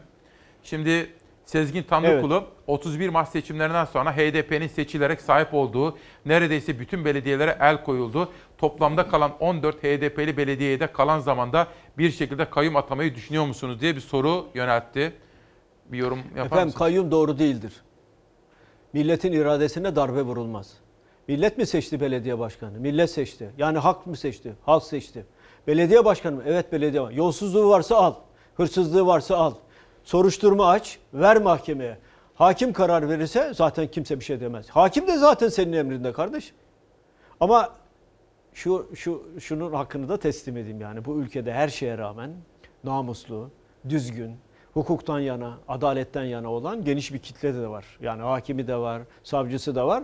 Ama aynı zamanda sarayın beslemesi olan hakimler, savcılar da var. Peki. Doğrusu budur. Yani halkın iradesine, milli iradeye saygı göstereceğiz. Peki.